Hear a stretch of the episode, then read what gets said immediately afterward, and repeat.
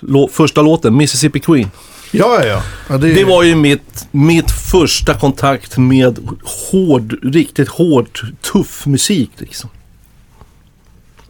Så det, är lite, det kan vi berätta, berätta om. Absolut. Ja, det är skitbra. Ja, ska Spark- vi börja då? spark-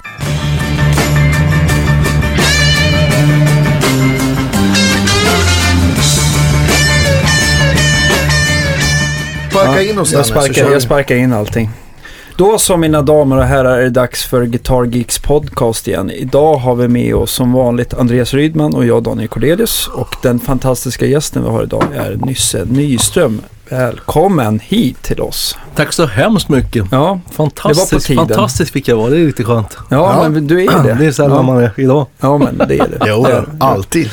Det råder ingen tvekan om saken. Nej. Ja, Hör du, eh, Ja. som, eh, du har ju hört våra program och vet vad det här handlar om. Ja. Så att vi börjar från samma... jag tycker det har varit jättekul att lyssna. Jag har lyssnat igenom.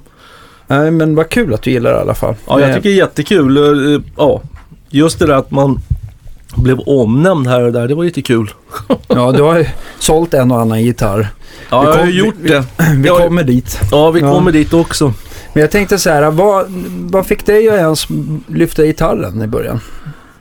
Alltså, det, det var, om vi, ska, om vi ska dra då den musikaliska historien då. Jag var tre år, stod framför grammofonen och dansade till Anita Lindblom. Nej, vi skiter i det. Det skiter Ja, nej, det, det, min pappa spelade piano. Okej. Och jag tror att hans musikalitet, han spelade jämt. Han spelade jätte, jätteofta hemma. Så det var, han var som han sa själv, jag är en sån där barpianist, jag kan inte hålla takten. ja, han hade ju haft massa band genom, men han tyckte aldrig det funkade något bra med band. Men, ja, i alla fall. Men han eh, ville ju då att jag skulle spela piano. Så att eh, man gick i musikskolan, då var det ju blockflöjt. Va? Mm. Och precis alla fick Och sen med efter blockflöjten, efter ett, ett år tror jag var med blockflöjt, då fick man välja ett instrument. Mm.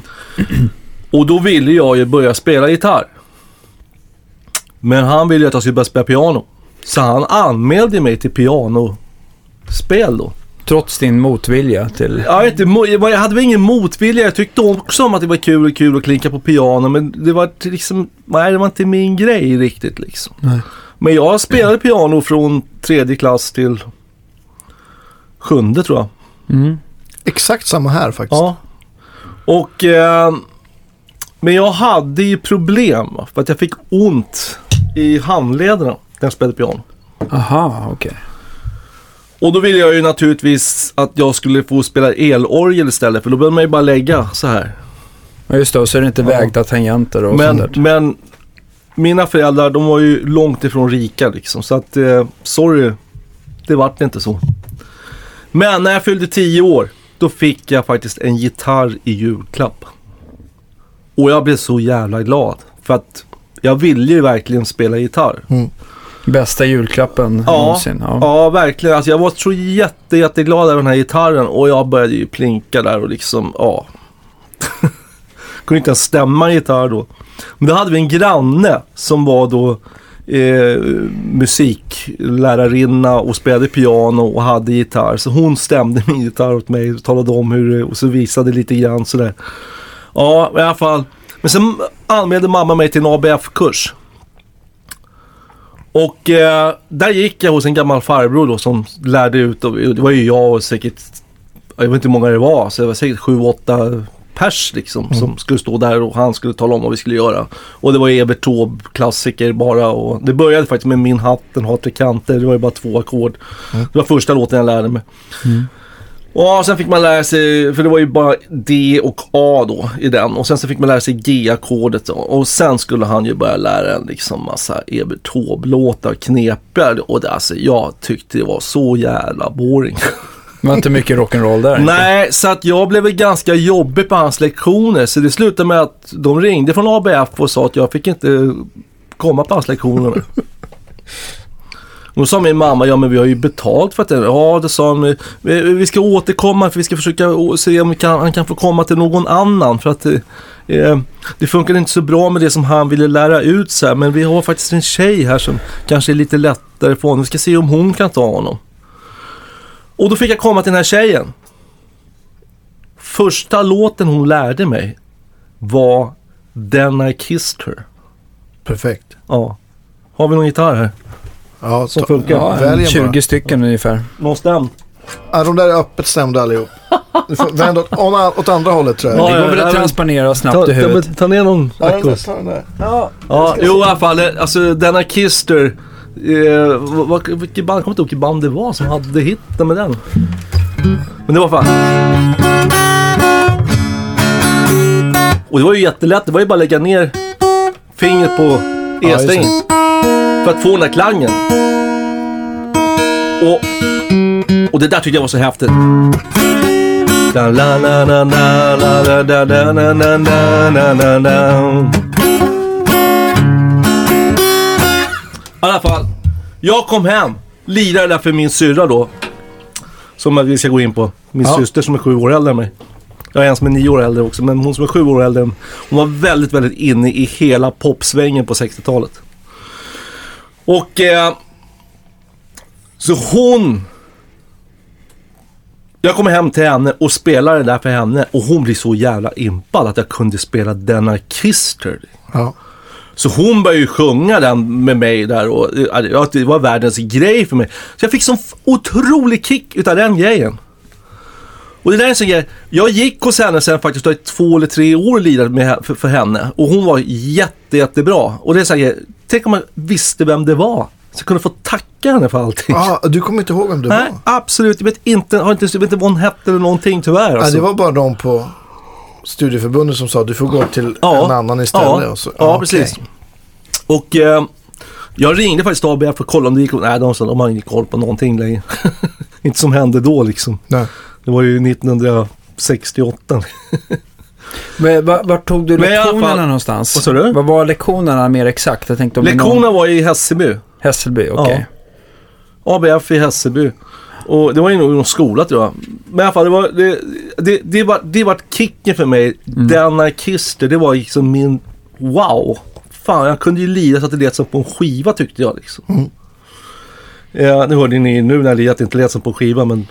Ja, min ostämda Men det var stäm, stämningsfullt eller? Ja. Ja, nej men det, det, var faktiskt, det, var, det var faktiskt min riktiga... Och sen så då med min, min, eh, min, min stora syster då, Gun heter hon. Hon är sju år äldre än mig.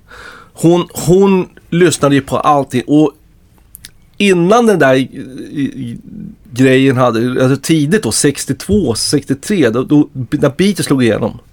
Mina syrror skulle ju titta på Beatles på TV, de skulle vara på drop-in på TV. Och det såg jag faktiskt. Och då var jag ju inte gammal, jag vet inte om det var 62, 63, då var jag 5-6 år gammal. Mm. Och där, det tyckte jag var så jävla häftigt. De stod och lirade och sjöng och jag tyckte det var ett jättehäftigt program. Så jag tittade på alla de där programmen sen tror jag. och ja. Så, så att det, så, ja, det, det, det, det, det, det vart en Beatles var nog Och sen kom Rolling Stones in bara för att eh, det var en kille som jag hängde med. Han lyssnade på Rolling Stones och tyckte de var så tuffa. Så att det, ja. Så det var ju, ja, grej nummer två då.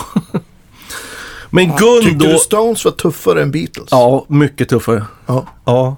Och lite mer Jag hår kan, på säga, nej, deras men jag, jag kan säga så här att alltså Rolling Stones var ju min grej. Beatles var syrornas grej. Ja. Mhm. Det var tjejband tyckte jag och Rolling Stones det var ett killband. ja. Mer bluesbaserat och Ja, tuffare. och Brian Jones var ju min stora, stora förebild på den tiden. Ja. Tyckte han var så dödscool. Ja, men det var ju. ja. Eh, jo, i alla fall så att det, ja. Men Gun då, min, min, min, min, min syster, hon lyssnade då på jätte, jättemycket musik. På, hon var ju med i hela den här svängen, hängde, var på Nalen och var liksom på all, ja. Hon var verkligen ute och kollade på band liksom jämt. Och Tages blev ju ett av hennes stora idoler. Va? Hepstars hade jag sett och de tyckte jag var bra. Hepstars tyckte jag var Och Hepstars var lite ballt. För de tog mig faktiskt in. Jag håller ju på mycket med gamla, gamla jänkare. Det är ju min passion här Ja, i visst. livet. På fritiden. Och eh, det var faktiskt de som tog mig in i jänkebilsgrejen med sina Ford Thunderbirds. Ja. Jag tyckte det var så otroligt balla bilar och vilket namn. Thunderbird liksom. Visst. Ja, det var ju helt jävla jättehäftigt. Fast jag aldrig ägt en Ford i hela mitt liv. Aldrig haft en Ford Thunderbird. Men det var en drömbil då kan- när jag var... Det kanske kommer. Nej, Ford är inte min grej alltså. Jag är ju tyvärr moparsnubben. Jo, nej men det, det ja, nej, men det, men vi, vad jag ska, vad jag ska komma fram till är att AIK, det är Ford, Skeva, eller Djurgården, det är Skeva och så Mopar, vi är Hammarbyarna.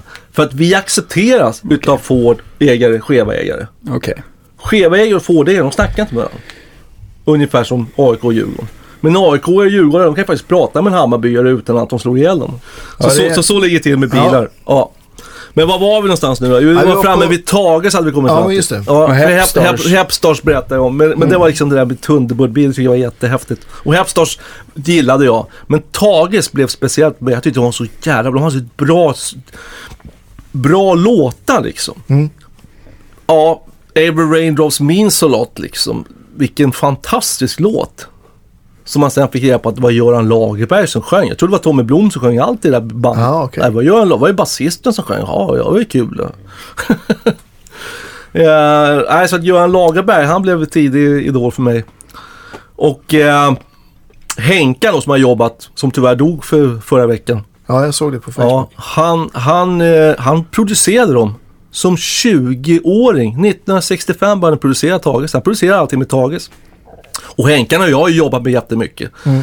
Och så det var så häftigt att få läsa den här Tagesboken. Att han var med på deras tidiga grejer som jag tyckte var jättebra. Då när jag var, jag var ju kanske 7-8 bast liksom. Ja. Men han gjorde väl mycket mer än, än bara Tages? Han, du du Ja, pratade ja. om England jo, och jo, jo, Abbey Road Jo, och jo, med Abbey Road. Vad? han var 24 bast när han började på Abbey Road. Ja, Helt det- sjukt. Det är tungt. Ja, Ja, det var 68. Det var 69 tror jag. Imponerande. Ja, det är jävligt imponerande. Mm. Ja, Vilken snubbe. ja, nej men så, så, ta, ta, ja, Tages var grejen. Sen så var det ju så att då, min syster Gun då. Hon gick jättemycket på Gröna Lund. Och kollade på band och sånt Mm. där också. Och, ja, men hon var på Jampen hette något disco där som hon sprang på. Men hon gick alltid och tog lotter. Och då gick hon ju till, de hade sån här skivlotteri på Gröna Lund. Och då vann hon en skiva med Slam Creepers. Och då visste hon att jag hade precis upptäckt Slam Creepers. Det var fram på 68 liksom. Jag hade upptäckt Mr Personality Man. Det var min, ja, jag älskade den låten med Slam Creepers. Jag tyckte det var en otroligt bra låt. Och hon kom hem med den här skivan med Slam Creepers och satte på den och det var ju, den var ju knepig. Sweet Ruth hette den, det fattar inte hon. Och jag lyssnade på det det var asbra. Wow! Det var min första kontakt med blues. Ah, De gjorde en bluesversion utav Beatles-låten I should have known better. okej. Grym bluesversion gör på den plattan. Ja, det måste jag kolla in. Jag har, Ja. det, jag har dålig koll på de här svenska Nej men jag 60-tals- har, jag har faktiskt, jag tror att jag har deras samlingsplatta på Mm. jobbet med allting de gjorde. Men den var riktigt cool den låten. Men den plattan gillade jag. Jag tyckte det var jättebra. Så Slam Creepers klev in i mitt hjärta där. Hade Och, du, och så jag, Schiffs har jag älskat sedan den dagen. Ja, För han leder Ja, handbollsorgel. Och alltså, jag, som jag sa, jag hade problem med mina handleder. Jag, kunde, jag ville spela orgel, men jag fick ingen orgel. ja. Förrän långt, långt senare med Sticks Q. Då fick Ja. jag min första orgel. Hur, men hade du hunnit bilda någon band eller börja spela med några nej, vid den här tiden? Nej, inte, inte alls. Utan jag, då var det fortfarande, jag liksom tragglade runt sådär. Och, Med din nacke liksom? och, ja, ja. ja. Det var, jag körde, körde med min nylonsträngade Nagoya-gitarr som jag Mm. hänger på affären. ja Som faktiskt var en väldigt, väldigt tidig trekvartsgitarr. Ja, Det är smal hals och kort, kortare skala, smal hals. Perfekt. Och det var ju liksom säkert 25 år innan trekvartsgitarrerna dök upp här i Sverige sen. Var det bara på tur eller? Att det blev så? Ja, förmodligen. Men jag älskar den och min son lira på den. Han älskar den Ja. också. Men det känns ju som att även om du inte hade, du spelade ingen band och sådär, så- men så var du en, du var liksom biten av musiken och Ja, jag och var, jag var musik biten av sådär. musiken. Jag alltså, hade ju ja, band och band. Det var jag och sen en polare till mig som spelade trummor. Han och jag. Jag stoppade in, jag tog farsans bandspelare. Så tryckte man på rec-knappen och då flunkade ju micken man kunde prata in. Så stoppade jag in micken i gitarren och så stod vi och körde på hipporna. Och när, Ja. någon hade hippa liksom, lirade upp, då körde vi låtar där. Vi kunde ju till låt, vi bara stod och bara lirade och skrek och han hade sina trummor. Eller sin virveltrumma eller vad han hade. Så att det, där började väl liksom det där, att, men jag gillade ju att stå där och fronta eh, Ja, inför folk liksom. En showman liksom. Ja, och sen så fick man ju liksom brudragg tyckte jag då. Fast ja, ä- ändå inte. Nej men man, man låg bra till. När man skulle räcka ryska posten då valde man alltid ut mig då som, ja. ja, nej, men det, det, nej, det, var, det var otroligt roligt tid det där. Och, ja men vad, vad, det flöt ju på där. Sen så 69 då kom ju PUG. Just det. Ja. Och då hade jag önskat mig Robban Brobergs platta i julklapp. Sju bitar Robban, sju bitar Broberg. För jag tyckte Robban var så bra. Mm. Och så breakade Pugg då. Och då fattade jag att jag önskade mig fel platta för jag var inne i klassen. Man ska ju ha Puggs platta. Såklart. Ja, så fick jag önska mig den i, jul, i födelsedagspresent. För jag fyller ju år i februari som tur är. Ja. Så fick jag den i februari. Men Pugh Rogefeldt, det var, det var otroligt stort för mig. Och det var så kul för ni intervjuade ju Jojje här nu Ja. nyligen. Jag har inte hört den, den än, jag ska lyssna på den sen. Men Jojje var, vart speciell för mig. För att när jag fick min första elgitarr. Då plockade jag mycket av hans grejer. Ja, Jag kul. började redan på min akustiska gitarr försöka få ett lira liksom lixar som han gjorde då. Ja, men så... Ja. Och det, där har vi den här grejen. Man, det är så många som säger, jag vet vad jag var när John Lennon dog. Ja. Ja, det vet jag också. Jag var vid Fridhemsplan, satt i min bil vid Fridhemsplan och talade om det på nyheterna. Men jag vet också vad jag var, och det är också många som vet vad de var första gången de hörde Här kommer natten med Pugh Rogefeldt. Och det kommer jag ihåg, det var nere i min stuga i Västergötland.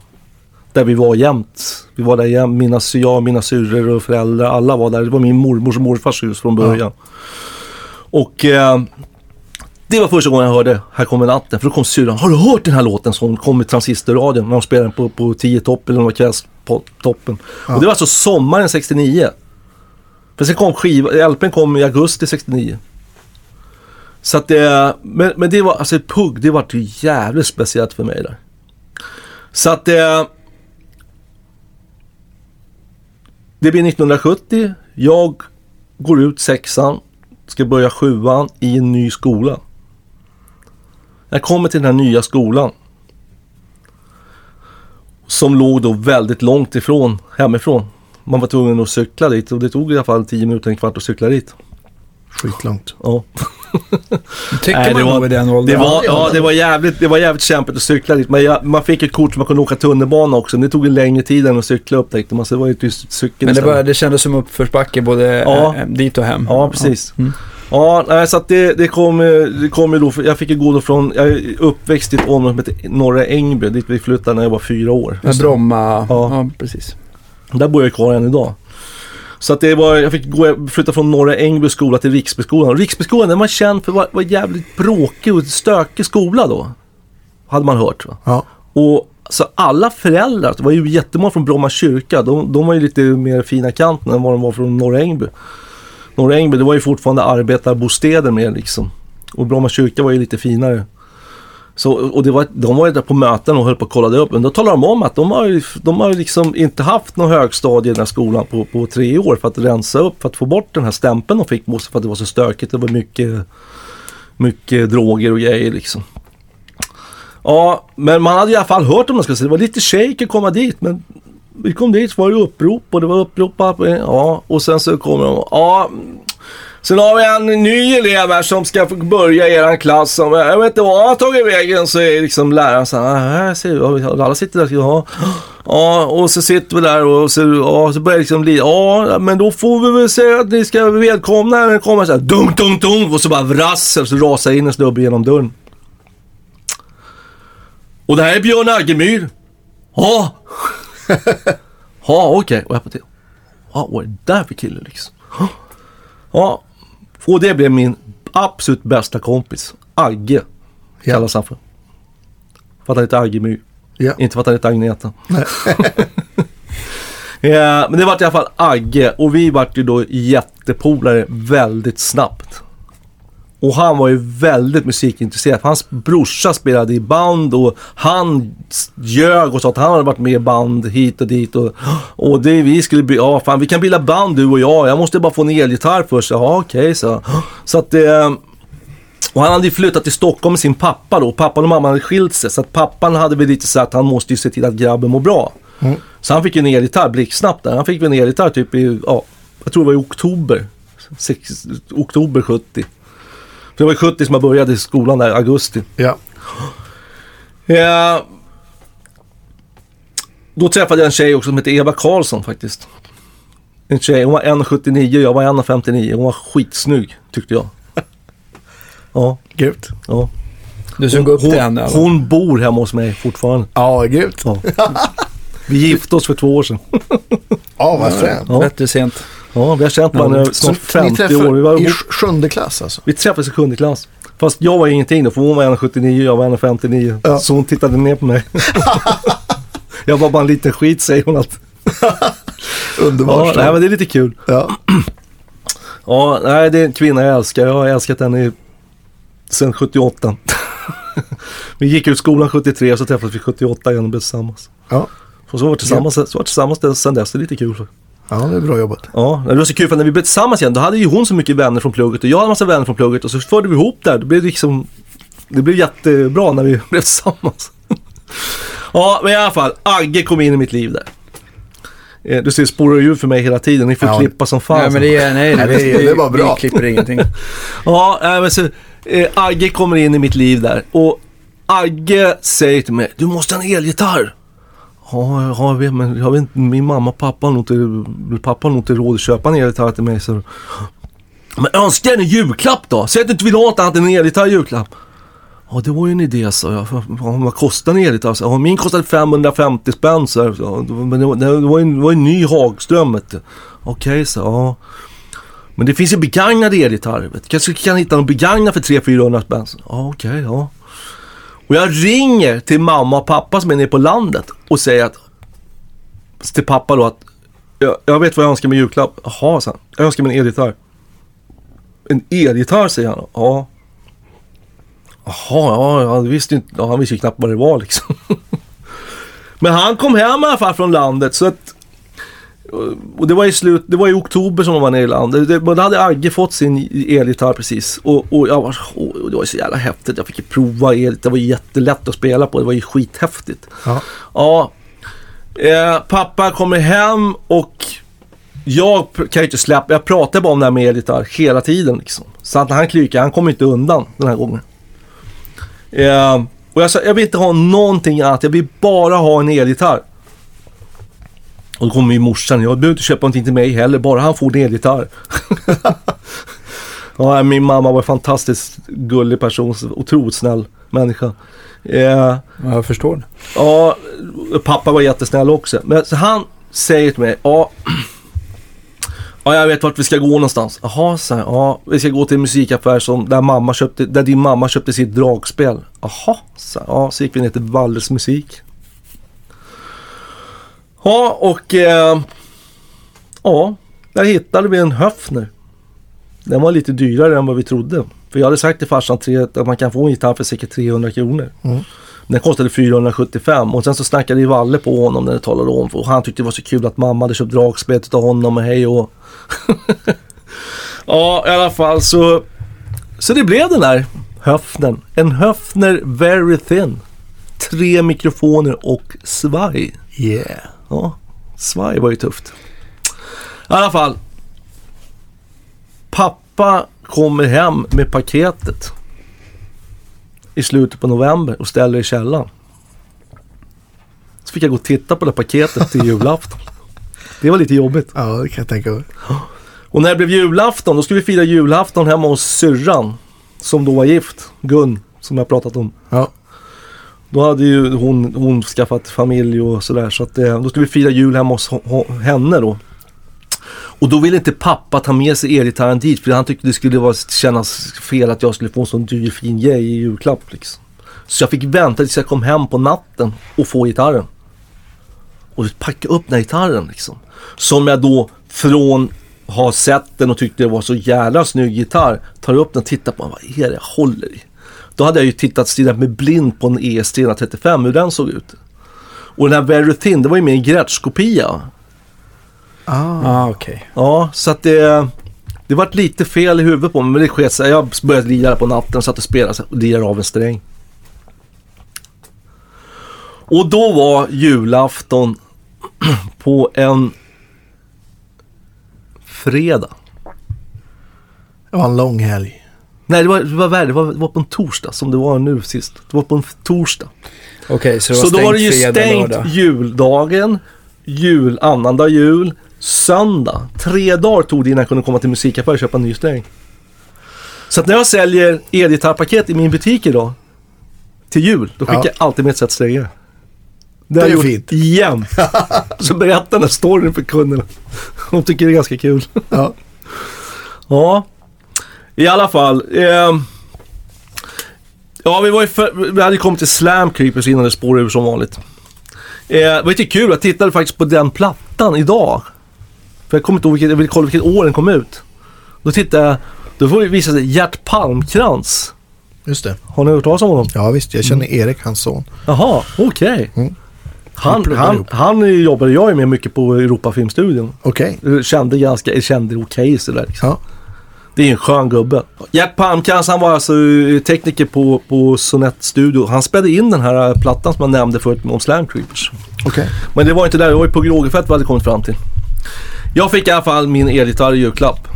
Och då började jag ju verkligen hårt lyssna på Pugg-plattan. Och eh, den var ju då extremt bra tyckte jag då. Hans första LP, Ja det är det. Jag älskar det, jag tyckte det var så otroligt bra. Och glöm aldrig, där upptäckte jag vad stereo var med den plattan. Min pappa hade köpt sin första stereoanläggning som det hette på den tiden. Det Ja. var en liten fyrkantig låda med en grammofon på. Men Ja. den var i stereo. Ja. Det var det enda som fanns, en grammofon. Det fanns ingen radio, det fanns inte någonting annat. Det var bara en radio. Och eh, det var lite kul för att den var gjord där vi har vår stuga nere i Västergötland. Törboda ligger en och en halv mil ifrån. Från, från Elgarås där vår kåk ligger. Och eh, den här stereon han köpte, den var en Västerstrand. Den var gjord i Törboda för Västerstrand låg i Törboda. Så det var en Västerstrand stereo. Ja, men jag, han köpte den, den var säkert billig som fan. Men det var stereo. Men då satt jag och lyssnade på Pugs platta. Och få höra liksom basen i ena högtalaren och så hör jag gitarr. Då fattade jag vad stereo var. Det var bara ett ord innan eller? Ja, det var bara ett ord innan. Det Man hade ingen aning om vad stereo var för Jag hade ingen aning om vad stereo var för. Man skulle bara ha en stereoanläggning tyckte alla liksom. Ja. Men det här att liksom man la ut, då, då klickade jag liksom, shit, jag har ju pianot där, liksom, det var så här, det började man verkligen fatta vad stereo var. Det var, det var lite häftigt faktiskt. Det är sånt där som dagens ungdomar inte får uppleva. Men det, men det var en riktig kick för mig. Det liksom, stereo, wow, det, det är det där som är stereo. Och det är liksom för att eh, då, han gjorde en låt som heter Jag sitter och gungar. Och då kommer basen, jag sitter och gungar, sitter, jag sitter och gungar och tänker på livets gång. Liksom så här. Och sen rätt det kommer basen. Det är ju Jojje som är bas också. Han är en ja. grym basist. Alltså. Ja, och det vi, fick, bort, vi fick det var borta reda på det också. Ja, han, är en fruktansvärt duktig basist. Ja. Alltså. Men vet, han gjorde en massa tricks liksom så här, på, på den här Surabaya Johnny. Då sitter han liksom och slår med plektrumet på strängen så här. Så blir fasta vibratet liksom. Skitläckert liksom. Massa här grejer. Och, och där fattade jag, fan han gör med plektrumet. Häftigt liksom. Ja. Mycket här grejer som, ju- alltså, man lärde mig, jag lärde mig mycket grejer från Jojje liksom. Där. Blev Och Jojje liksom en plattan. liten husgud för dig eller? Nej, ja på sätt och vis. Ja, han var, han var då så var Eller ju- första Ja, riktiga... ja, det var liksom, jag, jag lyssnade verkligen på mycket vad han gjorde och, och plockade ut hans grejer så här liksom. Mm. Ja. Sen 1971 tror jag det var. Eller var det 70? Jag skrev upp här när det var. Nej, 1970. Förlåt, 1970. Då var ju syrran på Gröna Lund igen. Och vann en ny skiva. Och hon bara kom så här. Den här kan du få. Det går inte att lyssna på, sa hon. Bara slängde in i mitt rum. Jaha, sa jag. Får jag låna din stereo? Får jag låna, låna på din stereo? Nej, det får du inte. Okej. Och farsan höll på att lyssna på sin stereo som han hade köpt en finare med radio i. Så han satt och lyssnade på radioprogram och spelade in. Så jag fick sitta med den skivan. Kan inte få så... fick sitta och vänta en timme innan jag kunde lyssna på den. Och satte på den. Och det var novembers första platta. med, Den hade hon vunnit då igen på Gröna Lund. Rickard ny. Rolf. fram- Förlåt? Rickard Rolf. Där, där kom ju då Rickard Rolf in i mitt liv. Och Rickard Rolf, han blev ju min Peter Green. Ja. Men otroligt trevlig person faktiskt. det- När man Ja, men får han är ju äran att ha med döds- honom att göra. han är Han ska ju vara en kommande gäst tycker Ja, jag. det tycker jag. Han är ju definitivt. dödsnice. Alltså, jag älskar den karln. Alltså. Men det finns det, inte mycket ont i honom. Nej. Vad, vad man, Och, vad man och, och, kan och se. det finns ju ingen som har knäckt honom så mycket som jag alltså. Nej. Men det, han, är, han är väl inte ensam. Nej, men han, han är så... Han, han är så... De satte ihop november igen. Ja, Vi kan vänta med det så. Vi kan, vi kan Ja. dra novemberhistorien först. Jag får i alla fall skivan där och börjar lyssna på den och tycker att det här är så bra. Och det var ju riff va. Och, och, och jag tyckte det var så häftigt med riffen liksom. För Led Zeppelin hade inte jag hört då. Jag hade lyssnat på Black Sabbath, hade faktiskt börjat lyssna lite grann. Och det var ju också, det var ju lite riff, men det var inte på samma sätt som de hade ju liksom balla riff så här på deras låtar. Jag Ja. tyckte, och de kunde jag ju plocka ut på min gitarr jävligt lätt liksom. Så jag plockade ut massa jävla riff då som jag sen lirade för Rickard sen massa år, tio år senare, lärde känna honom. Mm. Och han, nej jag ska visa det, så här är. Så visade han liksom lirade på ett helt annat ställe mot vad jag gjorde. Det Ja, just så jävla mycket bättre än att lira uppe på sjunde bandet istället för på öppna strängar som jag hade Ja, plockat ut. Allting. Ja, så att... Nej, men det, så november blev otroligt stort för mig alltså. Jag plockade ut allting de gjorde och lirade för Agge och Agge tyckte ju också att det var jävligt bra liksom. Så att det... Vi plockade upp mycket av deras låtar och försökte på lira, eller vi lirade många novemberlåtar i vårt första band då, som han och jag hade. Och det var ju han, det var han och jag på gitarr och sen så fick vi ta på en trummis en basist. Men det höll inte speciellt länge liksom. Så ja. Och så tyckte Agge, nej, jag skulle bli, bli trummor istället bestämmer han. Så han bytte in sin gitarr mot ett trumset på Hagström Musik där man hade köpt gitarren. Ja. Och sen så tar vi med hans brorsa på gitarr. Men då var vi två gitarrer och trummor bara. Vi hade ingen basist.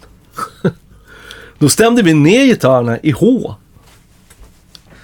Det var ju före sin tid kan man Ja, säga. det var väldigt före sin tid.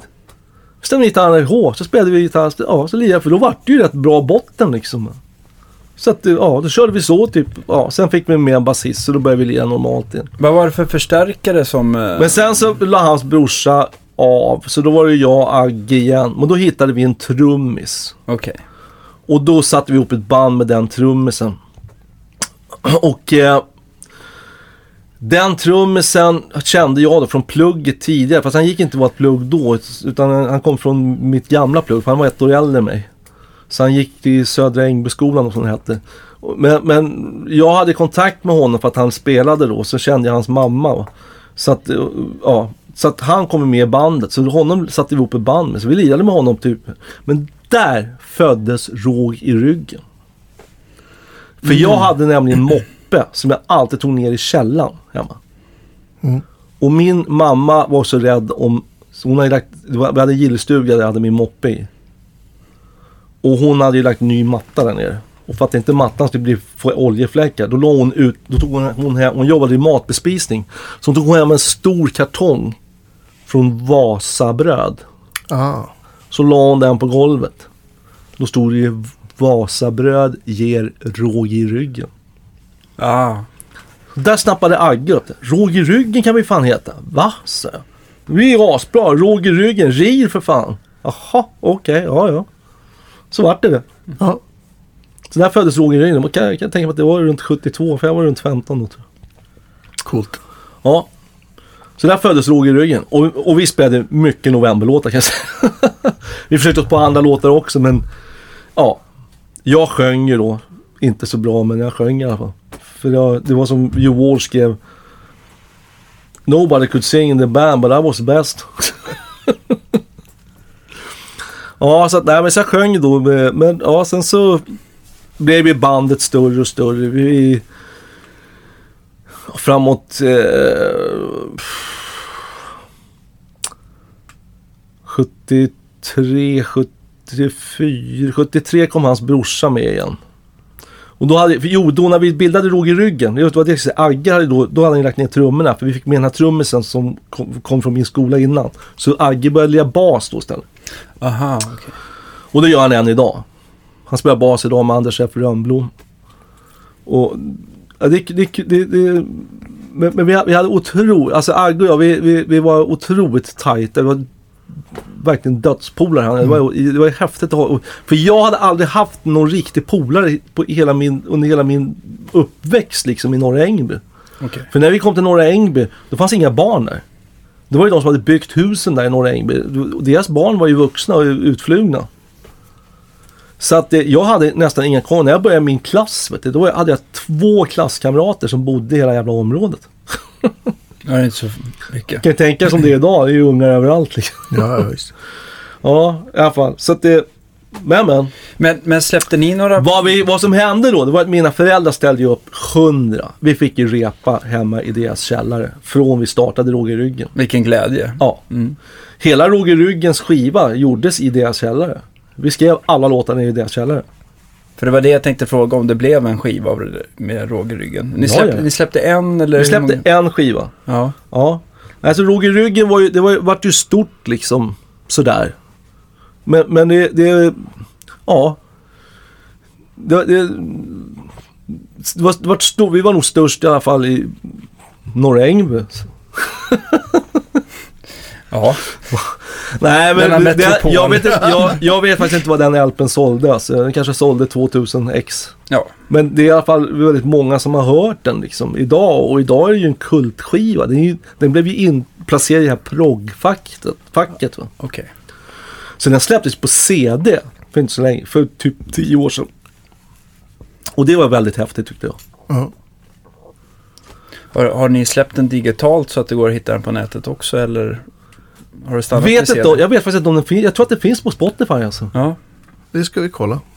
I, i, i och med att de, jag tror, jag, jag tror de släpptes på CD så tror jag den kom på Spotify. Mm. Hur länge höll ni på då med råg i ryggen? Nej, Roger i ryggen, vi gjorde den här skivan. Vi, vi fick ju med en sångare som heter Jonas Warnerbring, som var Östen Warnerbrings son. Mm. Så hade vi fått en keyboardist. Vi var sex stycken i Roger i ryggen. Det var två gitarrister, det var keyboards, det var bas, det var trummor och så var det en sångare. Hade du kvar din höft när... Nej, nej, nej. Nej. nej, nej. Vad, hade du, vad var det för Ja, vi, gitarr vi, vi, som... ska, vi ska komma det sen. Okej, okej, okej. Sen, sen, Ja, men- sen. För vi måste backa bandet här snart igen. Ja, jag förstår. Ja, till Ja, 71. ja. För då händer grejer. Vänta med Ja. spänning. Ja men det här blev ju nu, det här blev ju, byggde ju på då med Agge och med, med eh, att vi spelade så mycket novemberlåtar och hela den där grejen. Och det var det jag skulle säga om Rickard Rolf. De satte ju ihop November igen. För några år sedan. Fyra, fem år sedan. Just det. Mm. Och då kom ju Rickard förbi mig och sa Ja, vi, ska ju börja repa nu jag har ingen gitarr. Vet du. Men du får låna min Les Paul, så. Nej, det, kan, det tror jag inte jag. Jo, för fan, vadå? Men tänk om den går sönder? Ja, då kan du ju limma ihop den igen. Du är ju för fan instrumentmakare. Du bara limma ihop skiten. Jag bryr mig, Ja, inte, om, jag han bryr är- mig inte om halsen går av. Så att Ja, jag har sett hans gitarr han byggde själv åt sig. ja, ja, men det hade han inte gjort då. Han Nej, höll på och byggde en gitarr, så han hade ingen gitarr. Så jag sa, du får låna min gitarr tills din gitarr är klar, jag till honom. Det, det jag skyllde dig. För det var du som lärde mig att lira. Och så säger jag, du, du, du, nu, nu, nu tar vi det här från början va. Nu är det så här, du och alla andra, de lyssnar på någon jävla fjante från England som heter Peter Grön. Han har inte jag hört talas om förrän jag träffade Dante 1977 igen.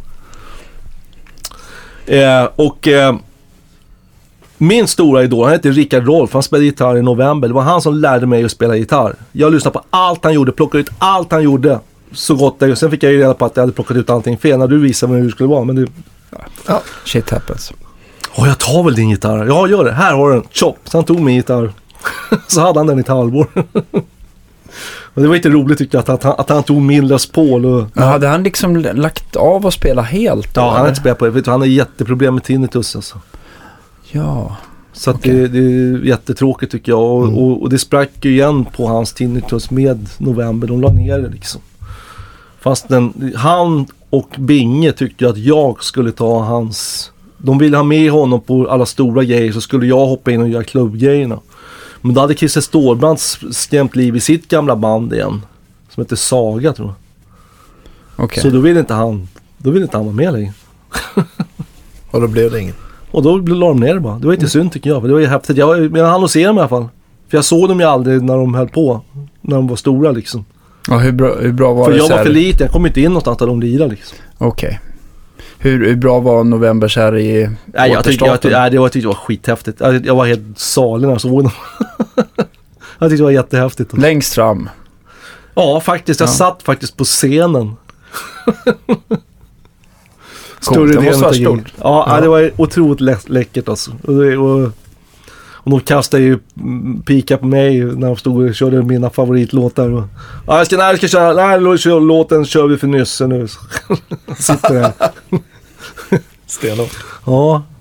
ja, det var otroligt häftigt. Men om vi backar nu till, till eh, 71. 70 kan vi backa till Okej. faktiskt. För nu ska vi prata om amerikansk musik. Mm. Då upptäckte jag ju den amerikanska musiken. Det var 1970. Också Riksbyskolan. För att Riksbyskolan hade nämligen en grej med Brommaplans ungdomsgård som hette Bromside. Man fick vara där på frukostrasten.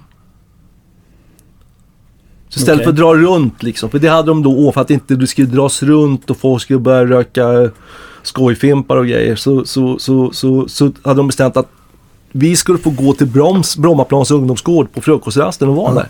Och alla var ju där. Alla gick ju dit. Där hade de en jukebox. På den jukeboxen så fanns det en låt som heter Mississippi Queen som vi ska få lyssna till. Absolut.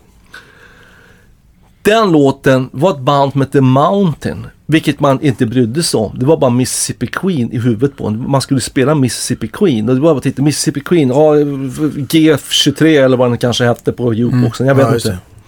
Men jag hade, må- jag hade dagpeng. Jag fick en krona av dagen, om dagen av morsan. Det räckte till 50 öre kostade en Coca-Cola och så 50 öre kostade att lyssna på Mississippi Queen. Ja. Och jag kan säga, den gick rätt hårt. På Leslie. West. Ibland blev det ingen cola. Det blev två gånger Ja, Mississippi men du Queen vet, Leslie. West, hade ingen aning. Visste inte någonting vem det var. Så att Mountain, det var faktiskt min inkörsport på det hårda. Jag hade hört, det hårdaste jag hade hört innan, det var faktiskt Steppenwolf, Born to be Wild. Det var nog första så här, på gränsen till hårdrock som jag hörde. Men Mountain, det var ju faktiskt jävligt tidig, mel- melodiös hårdrock alltså. Ja. Men han lirar ju gitarr som en gud alltså. Hade jag aldrig hört en gitarrist spela på det här sättet förut. Och jag tyckte det var så jävla häftigt den låten. Men ja, sen så bytte de ju platta i jukeboxen 71. Så då var inte den kvar längre. Sen glömde man ju bort. Ett par år. Men 71. Då hade ju då, ah, det var då som jag och Agge och hans brorsa hade börjat lira. Så jag började träffa hans brorsa rätt mycket då. Och hans brorsa tog med sig skivor som han tyckte jag skulle lyssna på. Och då hade han upptäckt Johnny Winter. Just det. Och han hade Johnny Winters tre första LP-skivor.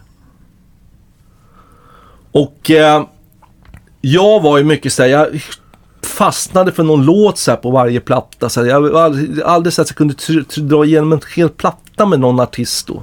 Det har jag varit faktiskt väldigt dålig på genom åren. Ofta att jag torskar på några låtar och så spelade man in dem på en jävla kassettband som man ville ha. Då. Ja. Men eh, det här var ju innan kassettbandstiden liksom så att eh, ja, men i alla fall. Jag tyckte ju då första LPn, där var det ju Good Morning Little Skog jag tyckte jag var så jävla bra låt alltså. Sen andra plattan, det var ju Johnny B. Good, vilken låt! Wow! Det här. Vilket gitarriff liksom. Ja. Och sen så kom tredje, var det tredje plattan också och där var det bara en låt som jag tyckte var bra, den hette Guess I Go Away. Men den låten fanns med på en samlingsskiva som min syrra hade köpt. Eller om hon hade fått den eller vunnit, jag vet inte. Men hon hade i alla fall en samlingsskiva som CBS förmodligen hade gett ut då. Där Guess I Go Away med Johnny Winter var med. Så den låten hade jag hemma, så den kunde jag lyssna på. Men till påsken 71, då hade jag önskat mig en Johnny Winter-skiva utav min mamma. Och min mamma var ju som jag har sagt otroligt snäll människa. Så jag fick ju min Johnny Winter-skiva. Postkaren kom med en Johnny Winter. Postkaren fick gå och köpa den själv. Ja. Nej, vi åkte ut till Vällingby och morsan hade lovat mig att jag skulle få köpa en Johnny Winter-skiva och få i påskpresent då. Så att jag gick till Rickards skivbar i Vällingby som den hette på den tiden. Låg ner på hörnet i Vällingby. Jag vet hur Vällingby ser ut. ja, visst. Om du tänker Stora torget så här. När man kommer ut, ja, Om du kommer från tunnelbanan så, så har du ett torg framför så här. S- Från tunnelbanan snett ner till höger på hörnet där, där låg Rickards skivbar i den kåken. Vad kostar en skiva då? Minns du det? Ja, en LP tror jag kostar runt 20 spänn alltså. Okej. Singlarna låg på 7-8 spänn. För där, där hade jag ju hängt och väntat på Elinor Bodel. Hon skulle ju komma med, med one way ticket. Och den kom ju aldrig. Jag gick dit en gång i veckan och frågade efter den. Till slut, så så kom, ungefär- till slut kom den. Men så typ en 40 Coca-Cola-burkar? Ja. ja. flaskor kanske. Ja, var kom de ifrån? Coca-Cola? Ja, de kostar 50 Ja, just det. Ja, Fem, nej, det var, det var flaska var det då på den tiden. flaska. okej. Ja, det var en sån här liten, vet du, knubbis, 18 centiliter. Den har du aldrig sett. Ah, Har ni sett den? Nej, Det men såg, det- ut, det såg ut som en Coca-Cola-flaska fast den var Fast så här stor och den var 18 centiliter var men den. man kanske inte hade så stora magar på den tiden. tänker jag. Nej. Nej men det var så här lagom liksom. Ja, men det var jävligt schysst på frukostrasten, gå ner och ta en cola och sen så Mm. lyssna på Mississippi Green. perfekt. Och då, när den försvann ur jukeboxen, då hade jag råd att köpa en chokladboll och en Coca-Cola. Sådär. Ja. Jo, ja i alla fall. Men 71 där. Eh, då var det ju Johnny Winter. Då kommer jag till Rickards skit. Då står jag och väljer mellan första eller andra plattan. Jag vet inte vilken jag ska köpa. Om jag ska ta den med Good Morning to Google eller den med Johnny B. Good på. Och jag står där och tittar. Då säger tanten i affären så här. Hör du, det har kommit en ny med Johnny Winter. Så tar hon upp en skiva ur, ur eh, kartongen. Den här. Johnny Winter and Live. Ja, så var bägge låtarna med kanske då? Och bägge låtarna var med. Hur var, hur var live-versionerna jämfört med, med Alltså, studioversionerna? du? alltså så jag kom hem med plattan och satte på den. Och just det här trumintrot på Good Morning to School. Jag satt och gapade vilket jävla sound. Och så började man lira gitarr. Och du, Rick Derringer är med va. Och vet du, då, började, då svarar jag.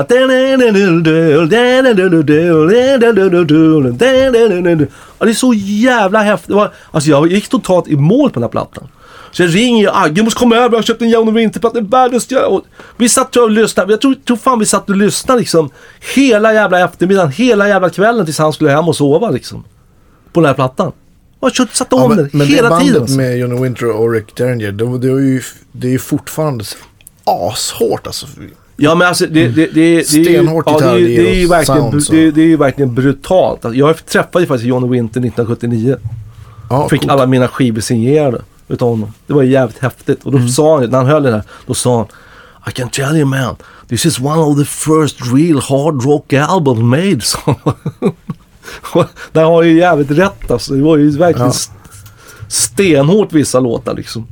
Men det jag gillar Johnny Winter för att det är så, det är någon sån här bluesig, rock'n'rollig underton Ja, i det ja, där. Och det Ja. går jag igång på. Men, men alltså Johnny Winter blev ju min stora passion.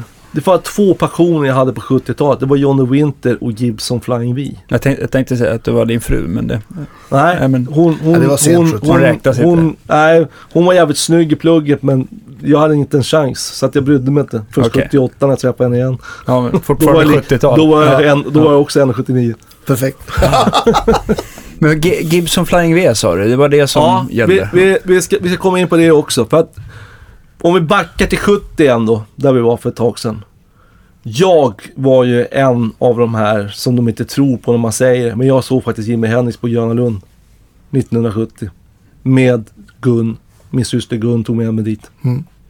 Tack så jag fick Gun. se Johnny Winter. Tack Gun, Ja. igen. Gun ska få höra det. Ja, Ja.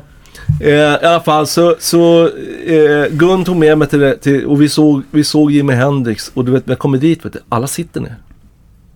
Och det här var ju jättebra. Här stod vi vid tre liksom. Ja, jag kommer se jättebra. Sen kom ju han och började lira. Då reste sig alla. Såg inte ett skit.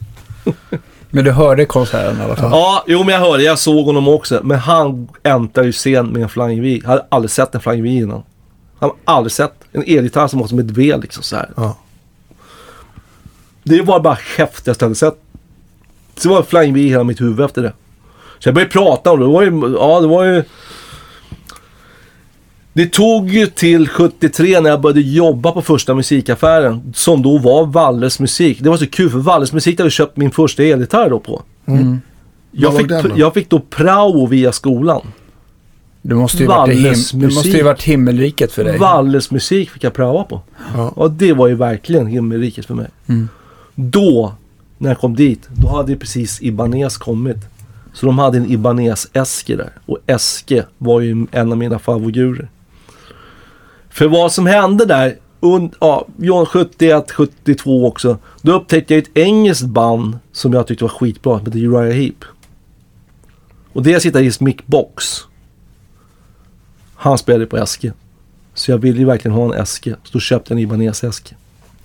Det var lika cool som Mick Box tyckte jag. Yeah. För han var jävligt cool tyckte jag. Har du kvar den gitarren? Nej, det har jag verkligen inte.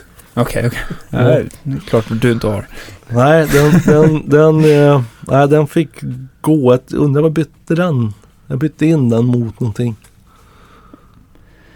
Ja, det har väl passerat en och Ja, annan det har gitarr. passerat en annan gitarr. Jag tror att jag bara, jag undrar om jag inte bytte in den mot min första strata jag köpte. Jag Okej. köpte en strata där på Valles när jag började jobba där. Okej. Eh, och jag tror att jag bytte in den där då. Men då hade jag börjat jobba hos Valle. För att ett år, jag jag praoade i åttan va, sen gick jag ut nian och sen efter nian så kom jag in på Valles och så gick jag, alltså jag glömmer aldrig den grejen. Jag sitter och, jag ska åka ner till Valles för att jag började köpa en mick till min 12-strängade gitarr så vi skulle spela akustiskt liksom. Och jag visste att de hade akustiska mickar där. Mm. Och eh, då satt jag och tänkte på, tänk om Ronny har slutat så jag kan få jobb på Valles. Så kommer jag ner, då säger jag bara, "Ja, vad gör du nu för tiden? Nej, jag söker jobb, så. Jaha, vill du ha heltidsjobb eller halvtidsjobb? Så, Nej, heltidsjobb vill man ju helst ha. Ja, vad synd, skulle du fått halvtidsjobb här för Ronny har lagt av. Ha? Ja, ja, ja. Klart jag kör halvtid. Ja. Så att då fick jag börja jobba halvtid hos Valles, Valles Musik. Det var min biljett in. Då var jag 16 år.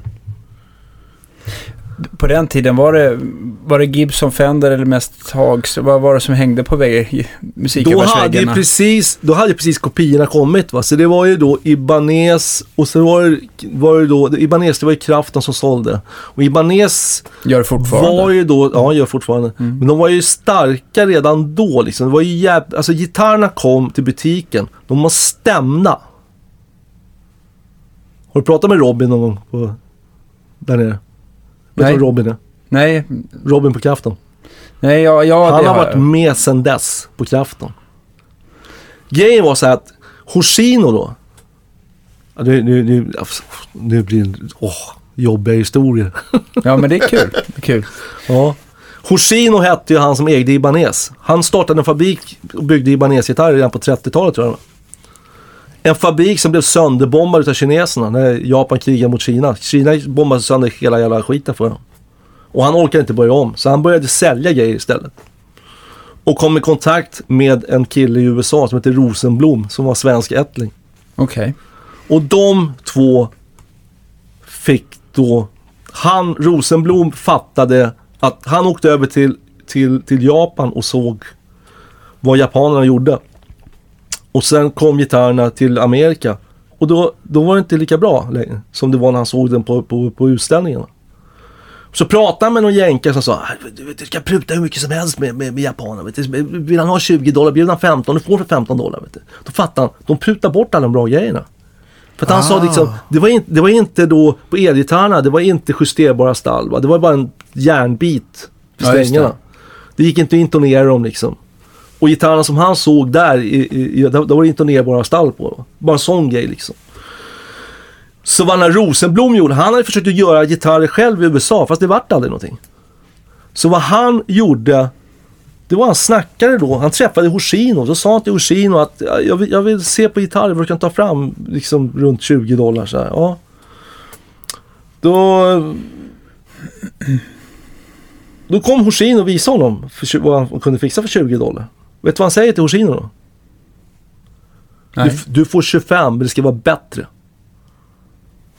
Det hade Hoshino aldrig hört förut från en jänkare. Alla hade sagt du får 15. Ja. Så gick de hem och skalade av det han hade visat upp. Men det förklarar ju liksom så här Och där föddes hela grejen. Där gick han från Aria då, som vi hade gjort med akustiska som han visade, till Takamine. Okej. För de gjorde mycket bättre gitarrer. Där föddes Ibanez. Rosenblom gjorde då om sin fabrik, där han haft sin gitarrfabrik. Till en setup-verkstad. Så alla gitarrer som kom, kom ifrån Japan dit gjorde han ordning för att passa han justerade upp alla gitarrer så det skulle funka för dem, hur folk lirade i USA. Va? Han sa när gitarrerna kom till honom, det var så jävla stränghöjd på, det gick inte att lira på dem liksom. Så han gjorde ordning alla gitarrer. För att det skulle funka med deras mark. Så att när de drog igång i Ibanesen, då krävde Hoshino att alla distributörer för Ibanez skulle ha en verkstad. Alla instrument skulle sättas set up for your own market. Ah. Och det var det som var Aha. grejen med Ibanez. När Ibanez kom hit, då hade du Robin där nere. Som var då tidigt på kraften. Deras meck liksom. Ja, han och sen faktiskt Bertil Josefsson som sen hade svensk musik. Som jag var jättebusskis, buskis, han hade ju Levin vet du, på sen. Ja. Men hans svensk musik, han sålde ju det. Sen så behövde han ju Levin som han körde vidare på. Mm. Men Ba- Bertil Josefsson och Robin, det var de som gjorde ordning alla gitarrer. Alla Ibanez-gitarrer. Så att, när det kom en Ibanez-gitarr, det var bara att hänga upp den på väggen. Den var stämd. Det var bara att hänga upp den. Den var stämd när den kom. Köpte man Perfekt. Kasuga då som de hette från början. Som bytte namn till Emperador sen. För det var ju Muskantors, det var Muskantors som sålde Kasuga. Sen bytte de namn till Emperador för det var deras eget märke. Så fick Mhm. de, då tjänade de mer pengar på gitarren. Eh, så att det, Kasuga-gitarrerna, där fick man ju stå och mecka med innan det gick och lira på dem ordentligt. Jag fattar. Ja. Men, så att det, så att, men när du Så började... därför, blev- så därför, blev, därför blev Ibanez så stort i Sverige. För att det var bara att hänga upp gitarren på väggen. Alla handlarna, de, var, de visste att vi köpa Ibanez. För det var bara att hänga upp den på väggen och Ja, sälja de den. lirar det Ja, bra. men det Och de måste var en vara hundring perfekt. dyrare. Men det köpte ju folk för det var så jävla bra liksom. Men det måste ju perfekt, det är ju sånt man älskar som Ja. försäljare. Att Ja, det liksom är precis. bara, Ja, precis. man sparar några gråa hårstrån Ja. liksom. Robin är kvar där än idag. Jag pratade med honom faktiskt för, i veckan här som var grym snubbe att ha. Alltså han har sån jävla koll på deras grejer. Jag ringde, jag ha en sån här eh, mick till, till en eh, till en George Benson-gitarr. Främre micken. Ja, så här lite Ja, mini-handbacker. Ja, vet du fan liksom. Du vet, det där är ju utgått för länge sedan. Så. Ja, men du kan väl leta lite. Så. Ja, ja, jag ringer det. Ja, det ringer efter. Jag hittade en jävel. Låg längst ner i en låda. Jag skickar den. Ja, bra så. Gött. Yes. Det är så en skön snubbe att ha. Och så vet han att jag har varit med så jävla länge. Så att, Och vill göra sina kunder nöjda. Liksom. Ja. ja.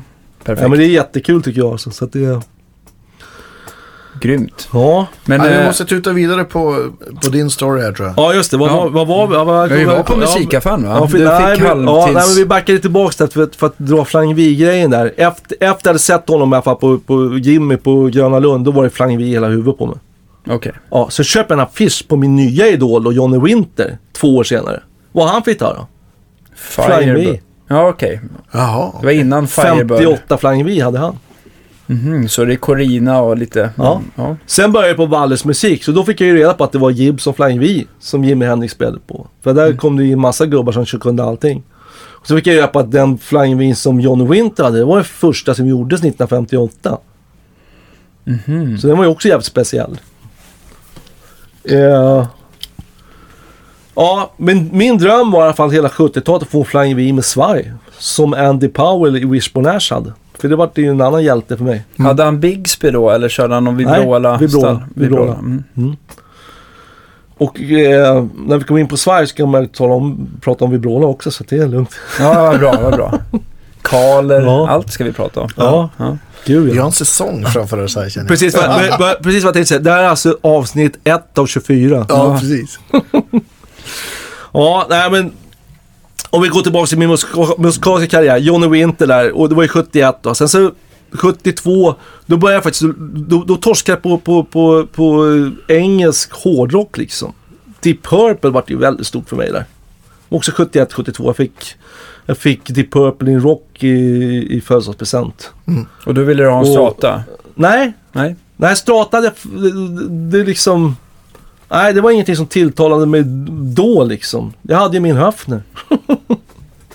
Nej, men jag fattar. Sån här gitarr kunde jag inte köpa. Eh, men i alla fall...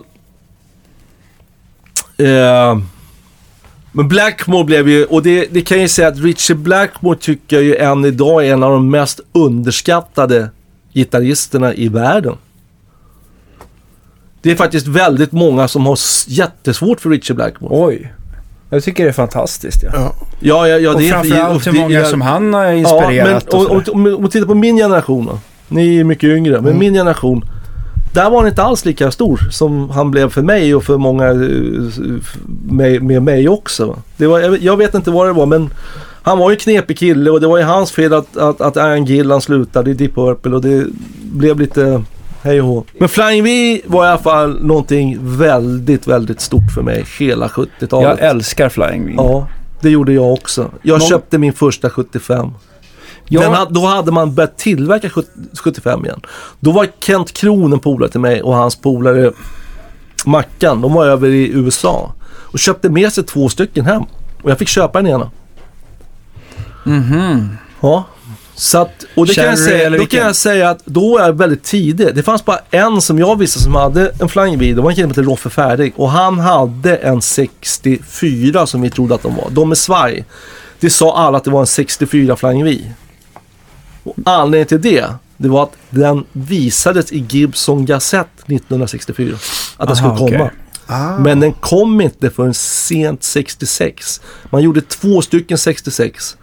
Gjorde nästan 100 stycken 67 och så gjorde man några 68 och några 69. Utan den modellen med svaj. Och sen så lades den ner under några år där. ja. Sen la, la, nej, den kom igen 70. Det kom en annan som hette Medallion Flying V och Medallion Firebird. Då kom Okej. en Firebird och en Flying V så satte på en medaljong som var numrerad. Alla gitarrerna var numrerade. Jag tror att det gjordes 300 stycken sådana. Flying V. Det låter som att de är dyra Men sen var det idag. från 71 till 75. Så Mm. det gjordes en eller två 74 och sen 75 det gjordes det 1500 stycken. Och en sån var jag köpte. Och ja, det var ju skittuff tyckte jag. Tills jag Tills Roffe kom förbi med sin 67 och jag la min bredvid. Min såg ut som en billig jävla kopia alltså. Okej. Huvudet var ju trubbigt. Hans var ju spetsigt. Han hade svaj. Hans gitarr var gjord i en bit mahogny. Min gitarr var två delar mahogny. Visserligen tyckte han att det var okej. för det går, mittdelen på halsen går rakt genom kroppen på dem. Aha, okej. Så om du tittar i ändan på en sån Flying så ser du en fyrkant så här. Och det är liksom så, den går, det blir som en genomgående hals på något sätt. Just det. Ja. Så det tyckte han var lite fräckt. Men felet med dem, det var ju att halsvinkeln var rak ut från kroppen så de blev jävligt basiga i tonen. Och jag bytte mickar på den här. Jag fick den inte låta schysst. Jag, jag gillar den inte liksom. Så att en, Så jag en såg- flackare halsvinkel så blir det basigare. Ja, det blir mycket basigare. Ja, spännande. Ja. Märker man det också på till exempel eh, Les Paul Junior jämfört med vanliga Les Pauler som det är lite brantare eller? Eller specialen? Jag tycker alltså, eh, Les Paulen hade väl samma, alltså jag tror Junior hade samma eh, vinkel som vanliga Les Paulen på hans. Okej. Ja, det kanske är så. Ja, jag är inte jag borde ju veta det eftersom Men jag tänker eftersom den inte en hade någon, favoriter. att den inte hade någon välvtopp där. Ja. Vi, kan, vi kan forska i det till Ja, det nästa program. göra. Ja. Ja, det kan vi göra. Jag borde, Men- veta, jag borde veta det för att jag har haft så jävla mycket juniors. Det är en fin gitarrmodell. Ja, det är jävligt kul gitarr. Ja, Jag har faktiskt en 60 kvar idag än idag. Ja. Som jag inte säljer bara för att det är en 60. Jag älskar 60 halsar. Lite tunnare. Ja, Ja, jo, men- ja, nej, men i alla fall. Vi, vi, var framme där. Ja, Johnny Winter hade jag upptäckt och sen kom ju hårdrocken in i mitt liv där 72, 73 och det var jävligt mycket Deep Purple. Men, men jag släppte aldrig Johnny Winter. Johnny Winter var ju liksom gud för mig på något sätt. Han kom, kom ju Still Alive and Well efter den här plattan. Jag fattade ingenting av den plattan. Det var ju fan, jag ville ha det jävla draget liksom. Fast idag tycker jag det är en fantastiskt bra platta. Lika platta som kommer efter den som heter Saints and Sinners. Den plattan lyssnade jag aldrig på. Förrän typ för fem år sedan. Då köpte jag, då hade de gett ut sådär.. Still Alive and Well. Fan var det Still Alive and Well? Var det den? Nej, det var det inte. Det var Saints and Sinners och John Dawson Winter. John Dawson Winter the third. Det var plattan innan nästa live kom, 76. Den, den John Dawson Winter, den, den gillade jag verkligen. Så jag köpte dem, de, de var samma platta på. Det var första gången jag hörde Saints and Sinners. Fantastiskt bra platta. Idag, men då var jag så inne på, ska vara stenhård rock'n'roll liksom. Det fäster inte alls. Nej, det första jag, jag, jag, det var jag vägrade att lyssna på plattan. Jag tyckte bara, jag satt lyssnade, lyfte vidare så här, nej fan vad är det för jävla skit liksom. Ungefär. Ner med den i, ja, bland de andra skivorna. Ja. Jag gav bort alla mina skivor till min, po min polare på landet. Han sa, du jag tog upp en Johnny Winter-platta, den har jag aldrig spelat. Är Saints and Sinners va? Ja. Den är aldrig spelad. Nej, jag vet, jag lyssnade, jag började flytta pickuppen så jag tyckte det var skitdålig platta. Idag tycker jag älskar den, det är så otroligt bra platta idag. Men inte då, 1975. Då var den inte bra, eller Ja, 74. då skulle det vara bredbent och rock'n'roll. Ja. Och man ska gärna klämma en Flying V mellan benen. Ja. Så att det, ja. Nej men, men, men Johnny Winter var, men jag, jag cyklade över där på, på, på, på ja. Om vi, om vi backar klockan igen. 72 var ju ett stort år för mig alltså. Jag glömmer aldrig, det var skitkallt ute och jag hade mina polare bodde nere i Bromma kyrka som jag berättade. Liksom, alla, alla mina klasskompisar, de flesta klasskompisar, de bodde nere i Bromma kyrka. Och jag och några till bodde i Norra Ängby. Det var inte många som bodde i Norra Ängby. Det var jag och två till när vi började i klassen. Sen var det väl några till som kom till.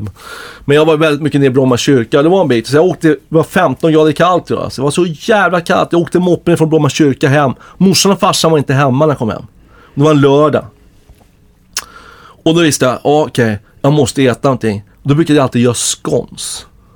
Mm. Så det gjorde jag. Jag gjorde scones. Och så satte jag på radion. Och då hade de ett program efter 10 topp där de presenterade en ny skiva. Och då berättade de om ett band där, ja, alltså ett band som, som uppstod efter en splittring av ett annat band, Small Faces här och berättade om, ja okej, de hette Humble Pie och liksom, har all- aldrig talas liksom om, liksom sådär, ja.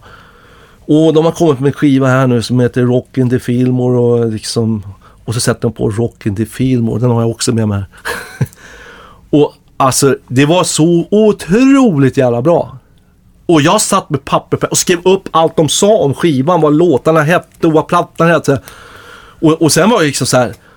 Så, så när morsan kom hem så jag sa till morsan, mamma du måste hitta på ett sätt så jag kan, så jag kan få ihop 20 kronor. Mm, Jaha, sa hon. Ja, jag måste köpa en skiva, jag måste köpa en skiva. Jaha, vad var det för skiva? Ja, ja, det är en skiva jag hörde på radion. Här, så, ja. så jag fick ihop, jag fick låna pengar av henne och gå och köpa Humble Pie direkt på måndagen liksom. Ja, gud. Och det fanns ju bara en affär då som hade och det var ju Rickards skivbar i Vällingby. De hade precis fått in den så att wow. Då var du glad va? Ja, nej, men den skivan blev, blev också väldigt stor för mig sådär liksom. För att jag, jag verkligen sval, så, jag tyckte det var så jävla häftigt det här jävla öset liksom. Det var också sådär jävla drag som på Johnny Winter liksom. Och så, ungefär samtidigt då så, så jag, jag umgicks väldigt mycket med flummarna hemma. För de lyssnade på så bra musik tyckte jag. Och mamma och pappa var inte glada åt det. Jag sa det, men jag inte bryr mig inte om vad de håller på med. Jag vill bara vara där och lyssna på musiken. Och då fick jag låna en skiva som en av flummarna. sa. Då satte han på, har du hört den här låten? Och satte han på Mississippi Queen då, men den var inte alls lika bra som den där som hade varit på jukeboxen. Men jag hörde, det var ju de som lirade liksom så här. Det? "Ah, är en liveplatta här vet du.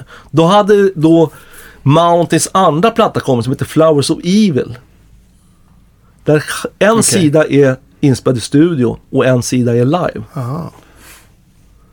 Och den här livesidan, den var ju fruktansvärt bra. Alla låtarna utom Mississippi Queen, den var inte i närheten så bra som den här första versionen jag hade hört talas om. Okej, på skivan innan. Men det andra live, han spelar, han spelar ju Roll Over Beethoven, är fruktansvärd. Och som han lirar gitarr liksom. Så där gick han in, alltså hans gitarrspel, alltså jag tyckte det var så häftigt liksom. För det var en helt annan grej mot Johnny Winter liksom. Likadant Hammers var också otroligt bra ballt gitarrspel liksom. Ja. Men det var ju liksom mer bluesigt liksom, så här mera engelsk blues liksom. För de var ju Mm. engelsmän. Det var ju Peter Frampton och, och, och, och Steve Marriott liksom. De var ju engelsmän liksom. Så de hade en helt annan style att lira blues mot vad Johnny Winter hade. Så det funkar. Och, och det Leslie West, det var ju också en helt annan jävla grej liksom.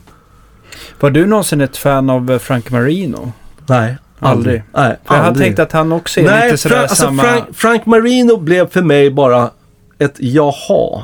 För att det fanns ingenting som han lirade som gick in i mitt hjärta liksom. För det var ju ändå lite så här, kan jag tänka mig, ändå lite samma style som... Lite, era. lite det stuket, men det kände, alltså Frank Marino, det var, nej, fan, det fanns aldrig någonting i hans musik som gick in i mitt hjärta. Så varför vet Okej. jag inte, men nej, det vart aldrig någon grej för mig tyvärr alltså. Okej. Men samma år, 72, så blir det påsk igen. Då måste jag ju få en ny LP, så då går jag på Vällingby och börjar bläddra där bland plattorna. Då hittar jag Grand Funk. Som vi också ska återkomma till, en platta som jag tog med mig. Och då hade jag hört Grand Funk och tyckte de var jävligt bra. För de gjorde en låt som heter Paranoid, precis som Black Sabbath då. Fast jag tror att de gjorde sin typ ett eller två år innan Black Okej. Sabbath. Ja, okej. Eh, Och den tyckte jag var så häftig för där har vi wow-pedal, jävlar. Men titta på den här plattan, Paranoid, och så var det mer låttitlar som man kände igen. Liksom. Fan vilka låtar känner jag igen? Jag tar den här. Och då var det Cut Out. Va? Det var en dubbelplatta som var Cut Out, så jag fick den för 20 spänn. Vilket flyt. Bra. Ja. Och tog hem den. Och den plattan, vet du, det jävla riksöset på trio liksom. Den är makalös. På trio. Jag hittar tyvärr inte den plattan. Ja, men den finns säkert på... Den Grand. Funk Live Album 1970, Atlanta Pop Festival. Den är direkt graverad. Det är lite flummigt. Ja, Så det, ex, det var precis vad som hände där och ja då. Ingenting omgjort efteråt. Ja, för mig, Grand Funk är ju Och- American och- Band för mig. Ja. Den låten. Det kommer senare då. Ja, kanske. det var ju 72, 73 Ja, tror jag. Eh, 73 tror jag det är från. Mm. Det har en annan platta som jag tog med mig som du kan, ska få låna utav mig. Det låter bra. Ja. Ja, men i alla fall. Så att 72 var ett musikaliskt jävla... Jag verkligen sög i mig allt det där som jag fick ta på på plattorna. Och Grand Funk blev också så här otroligt... För att deras sångare var så fruktansvärt bra tyckte jag alltså. Hans jättehög voice liksom. Eller de var ju två sångare. Det var trummisen jag tror sjöng också. Men Mark Farner var ju då huvudsångaren i bandet. Va? Och, så att, det- och han sjöng den här Paranoid-låten som jag hade hört tidigare då. Mm. Med Wawa-pedal som vi ska komma till sen när vi börjar prata Björn Juhl. Spännande. Ja. Nej men så, så det, det, det, det, var, det, var, det, det var liksom... Där alltså... Hela min grej som... Jag sög i mig av alla de här och för, försökte verkligen ta till mig vad de gjorde. Jag var inte sådär så att jag satt och plockade ut vad de gjorde. Rickard Rolf plockade ut allt man gjorde. För att det ville jag verkligen lära mig då. För då var jag ju rätt ung. liksom. Men när jag hade kommit in i Johnny Winter. Det vart för mig så här, jag fattat att det där kan jag aldrig lära mig. Leslie West, nej, det kan jag inte heller lära mig. Jag kan inte bända som han gör liksom. För jag hörde att han bände ju så jävla snyggt liksom. Så det, Mm. det här kan inte jag göra liksom. Ja. Vad Humble Pie gjorde, det, det, det, nej, det, nej. Men jag lärde mig att plocka ut låtarna i alla fall. det var grejer som drog igång mig. Alltså Johnny Winter, Leslie West, Humble Pie, Grand Funk. Det var det som drog igång mig som musiker tror jag. Alltså. Mm. Och som sen speedade av sig i vad jag gjorde då. Eh, om vi tar det här bandet Råg i ryggen då. Vad, vad som hade hänt med Råg i ryggen sen jag och brorsan satte ihop det. Det när vi satte ihop det, vi var ett jamband. Han och jag, den här trummisen som hette Thomas då. När vi lirade, så vi jammade som fan liksom. Och eh, vad som var flummigt, vet du vad jag hade? Nej. Vit Marshall. Oh. Med en vit 412-låda med horn i. Med horn i? Mm. PA-låda har, har, alltså? sett, har du sett de här PA-lådorna som, som John Lord har till orgeln på Made in Japan? De är svarta i dem. Det är stora 412-lådor med ett stort horn i. Sån låda hade jag. En vit med vit topp. 100 watt. 72 var de. Det var 72 de hade vit som ex. Man kunde få olika färger på dem. Och den här var vit. Tycker du att det låter, en sån eh, rigg låter lika bra idag som du tyckte då? Jag, jag har ju inte spelat på Marshall sen, sen, sen dess faktiskt. För du För är, efter- en, du är en orange-kille? För efter det så blev det Fender-förstärkare ett tag. Mm. Jag sålde den riggen och köpte en Fender Twin. Ja. Och den tröttnade jag på rätt snabbt. Och då köpte jag en Lövinglåda och en Mar- Då bytte jag in Twinnen hos Jerker mot en Lövinglåda och en Marshall-topp igen. Jerker på, som hade musikbörsen, ja. Ja. Eh, det som var väldigt kännetecknande för mina Marshall-förstärkare det var att de var sönderbrända uppe på. För att man skulle få bra ljud i en Marshall var man tvungen att åka till Elfa och köpa ett vridmotstånd, modell jävligt kraftigt och sätta mellan högtalarlådan och förstärkaren. Ah. Som mördade slutrören, men det sket man i. Det distade så jävla snyggt. Var det lite som en power soak? Hänglåda kallade vi dem. När man byggde in dem, man fattade att man måste bygga in dem i en låda för de blev varma och så in i helvete. Och de där la jag på båda mina Marshall uppe på som brände sönder tyget. Både den vita Marshall, stor brännmärke ovanpå. Svarta Marshall, stort brännmärke ovanpå. Efter vridmotståndet. Alla så, du har haft vridmotstånd? Ja. Jag vet, jag glömde bort att man måste ha den i en box. Men var det som en slags power soak? Alltså att man ville... Få... Det var, det var, alltså det var en föregångare till Power Soaken. Ja. Power Soaken kom sen och den var, den, den Alltså det där var ju en grej som kommer från England. Att man kunde sätta ett vridmotstånd och dra ner för förstärkaren och dista tidigt liksom på Ja, låg volym. Ja, just det. Men det lät nog så in i helvete jävla bra. Det var skitmycket hårdrocksband som dök upp där på 80-talet som körde liksom. För att jag hade massa som jobbade hos mig som var hårdrockare. De älskade det här soundet med den jävla, åka och köpa det där jävla vridmotståndet och sätta in mellan powersoken. Det var inte i närheten så bra sound som den alltså. Men det käkade, man fick byta slutrör eh, var tredje månad om man red mycket. Ja. Från Och, även, och även då liksom, Ja. eh, liksom rören ändå Ja, höll bättre Men då kommer jag på det schysst att man körde ner slutrören. Då lämnar ju de bara halva effekten. Och distade skitsnyggt. Så, du behövde, Så då körde jag ner rören med den där jävla... Och sen använde jag rören. För sen var det ju orange-stärkare. Då, då, då tog vi liksom en, en orange-stärkare, satte i vridmotståndet lirade tills rören blev så här trötta och började dista i sig själv. Så körde jag med sådana rör i, i mina orange-stärkare. Ja. ja. Men- Orange, när kom det in i ditt uh, hjärtliv? Orange kom in i mitt hjärta, jag tror det var 1977. För då fick vi agenturen för Orange på musikbörsen. Aha. Hoppar De vi över första massa viktiga kom- grejer nu när, när, eh, när, börj- när du, för du slutar på ena musikaffären och börjar hos Ja, precis. Ja, och, och, ja, ja, vi, vi kan ju dra den här musikaffärsgrejen också. Jag började på Walles musik där när jag var 16 år. Där jobbade jag till jag var 18. Sen började jag jobba hos Jerker 1 december 1975. Så Och att det var musikbörsen. förra, förra året då hade jag faktiskt varit på den här adressen på Sankt Eriksplan i 40 år. Jag har flyttat fem meter på 40 år. För istället för att du är gatuplan som idag så var du nere i källaren Ja, var nere käll- var nere i källaren i 19 år. Först 10 år för Jerker och sen 9 år själv. Sen flyttade jag upp i gatuplan. ja. I en butik som jag verkligen gått och sneglat på under hela tiden jag var anställd hos Jerker. Jag ville att Jerker skulle köpa den lokalen när den var till salu och vi skulle öppna en strängaffär där uppe som jag kunde ha. Ja. Det var min dröm, Men en han, han strängaffär. nappade inte på det eller? Vad sa du? Han nappade inte på det. Ah, han var han, med ett tag på det men sen så började han att cykla ut på, på, ja, åt helt fel håll. Liksom. han, hade, han hade nästan hela källarplan där i det Ja, kvarteret. han, hade, han köpte ju då, för att från början, han, när han drog igång musikbörsen där på den adressen. Mm. Han öppnade musikbörsen nere på Torsgatan, en jätteliten butik. Och där var jag och köpte, köpte oktavsträng till, till tolvsträngar. Så flyttade vi. Det är en underbar grej. Ja, berätta. Ve- ve- jo. Jag har kvar en förpackning du kan få se när jag kommer till min affär. Och Ja. du med. Ja.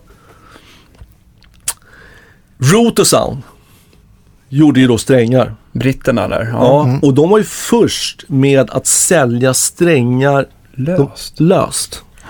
Ah. Så du kunde plocka upp ett eget set. Det var de först med. För alla amerikanska strängar, det var ju set. Du kunde bara köpa set. Men de var först med att komma så att du kunde plocka upp ett eget set. Det var, det var väldigt, väldigt revolutionerande. Och det hade kommit då när jag började jobba på Walles. Va?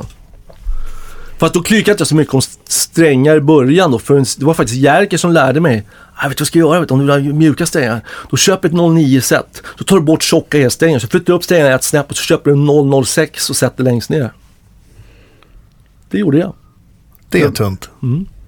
Det var inga problem att spela Albert King sen. Ett Nej. snäpp värre än Gibbons.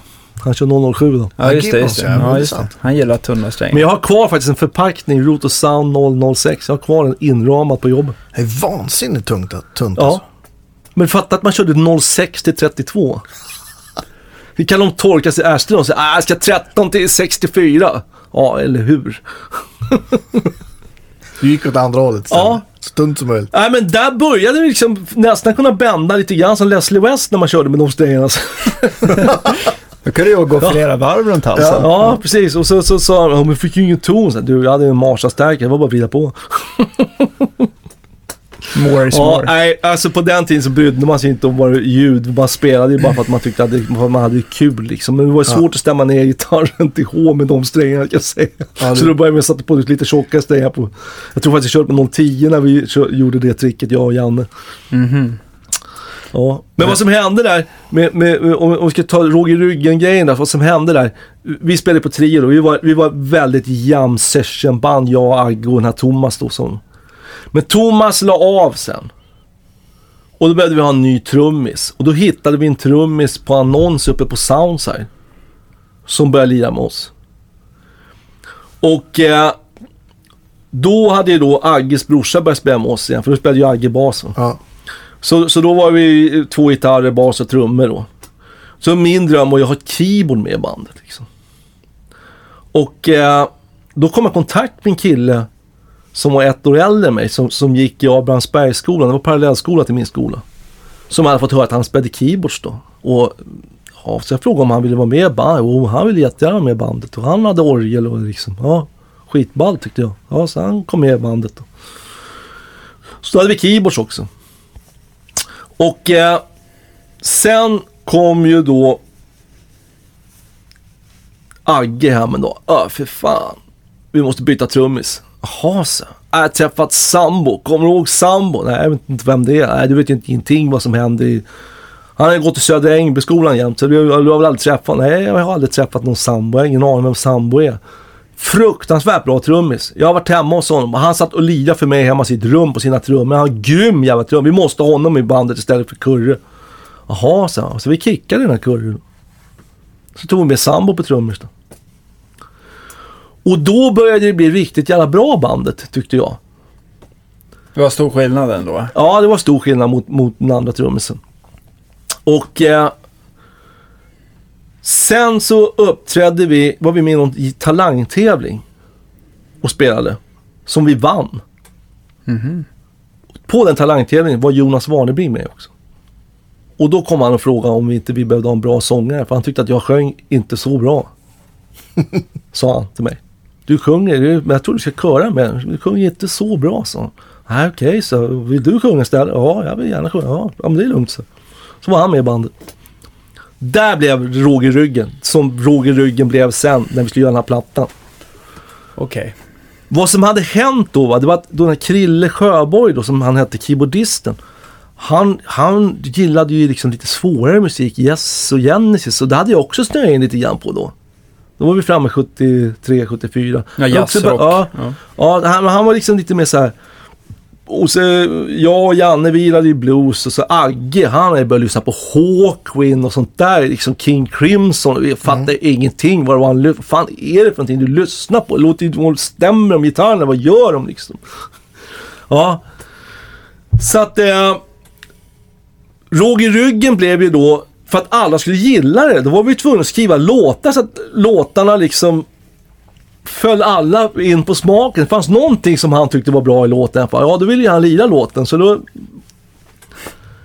Jag, kan, så jag tycker att liksom låtarna på den här Roger Ryggen-skivan, det är otroligt mycket olika style i en låt. Vi gjorde någon, ja, vissa av låtarna, det är helt sjukt vad det, vilka grejer som händer. vad det händer grejer i låtarna liksom.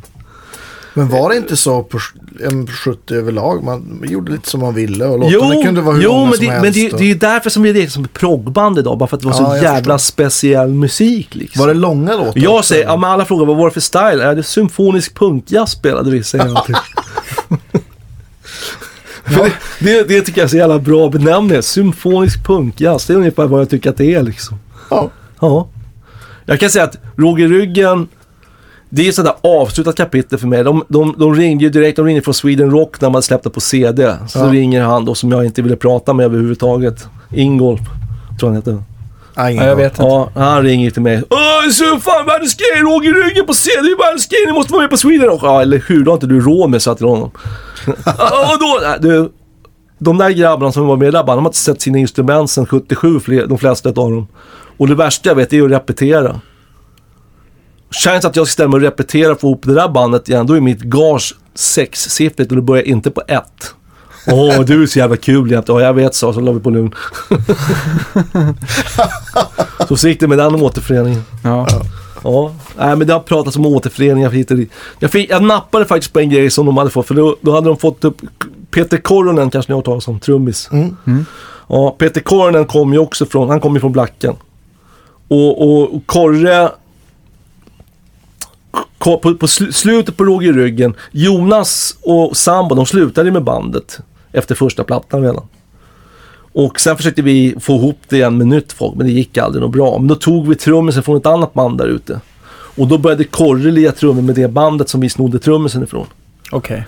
Men Korre, han var ju på varenda gig. Han älskar ju Roger Ryggen liksom. Han, tyckte, han var ju på varenda gig vi gjorde på ungdomsgården hemma liksom. Så Korre kom in till mig, då hade han pratat med Agge och då hade de snackat om att de skulle sätta upp bandet igen. Då sa jag till dem såhär, okej, okej, jag är med om Warnerbring är med. Är inte Warnerbring med, då är inte jag med. Har ni snackat med Warnerbring? Nej, jag inte, nej, men jag ska göra det. Jag ska snacka med Warnerbring. Och, och jag kontaktade Jonas, men han var inte så intresserad som Nej. någon av oss andra var. Jag var inte så superintresserad heller, men jag, jag tyckte det var kul att testa liksom. För att jag skulle vilja lira med Jonas. För att jag och Jonas träffades på en fest och var uppe och lirade tillsammans. Vi hade skitroligt en kväll. Och då började vi faktiskt prata om det, han och jag sätta ihop bandet igen fast med lite nytt folk liksom. Mm. Så att det... Men, men ja, jag vet inte, de, får reda ut det där. Men jag, jag tog i alla fall kontakt med Jonas men jag fick inte något riktigt svar tyckte jag av honom. Så att, vad- om han ville eller inte. Han kanske vill nu. Vi får se. Ja men vi får se, han får gärna ringa till mig. Jag, Jonas gillar jag, han är en underbar människa tycker jag. Vi hade fantastiskt, den, den kvällen när vi jammade han och jag hade så, det, det var verkligen det var verkligen en grej för mig. Jag tyckte det var så häftigt att han och jag stått på scen igen efter 30 år liksom. Ja, det var riktigt, riktigt ballt. Ja, men vad som hände sen då? Vad hände sen? Jag måste titta på min lapp så jag inte glömmer någonting här nu. Eh, Rory Gallagher. Har ni talat om honom? Jajamän. Sliten strata. Ja, ganska sliten strata. Ja. Så det var ingenting som man tänkte på när man såg honom första gången. Jag, första plattan som jag hörde med honom hette Live in Europe. Det måste också varit 72, 73 någonting där. Stämmer säkert. Ja, jag tyckte det var... Det var det gick, tid. Men, sen- sen, men Rory Gallagher har hängt med mig fram och ta, Men han gjorde en platta som heter Irish Tour 74. Just det. En det, klassiker. det är en fantastisk klassiker alltså. Det är en platta som att när de kommer in och säger att de ska ha, ha, ha, ha ah, jag ska ha bra ljud med min strata, vad ska jag ha? Här, han kör med en strata och sladd. Så sätter jag på Irish Store-plattan. Jävla mycket sound! Ja, han har sladd och en orange-förstärkare och en... Han hade orange-förstärkare eller AC30. Det var hans förstärkare. Jag vet inte vad han kör på där. Men... han, körde, han lärde mig i alla fall att använda sladd.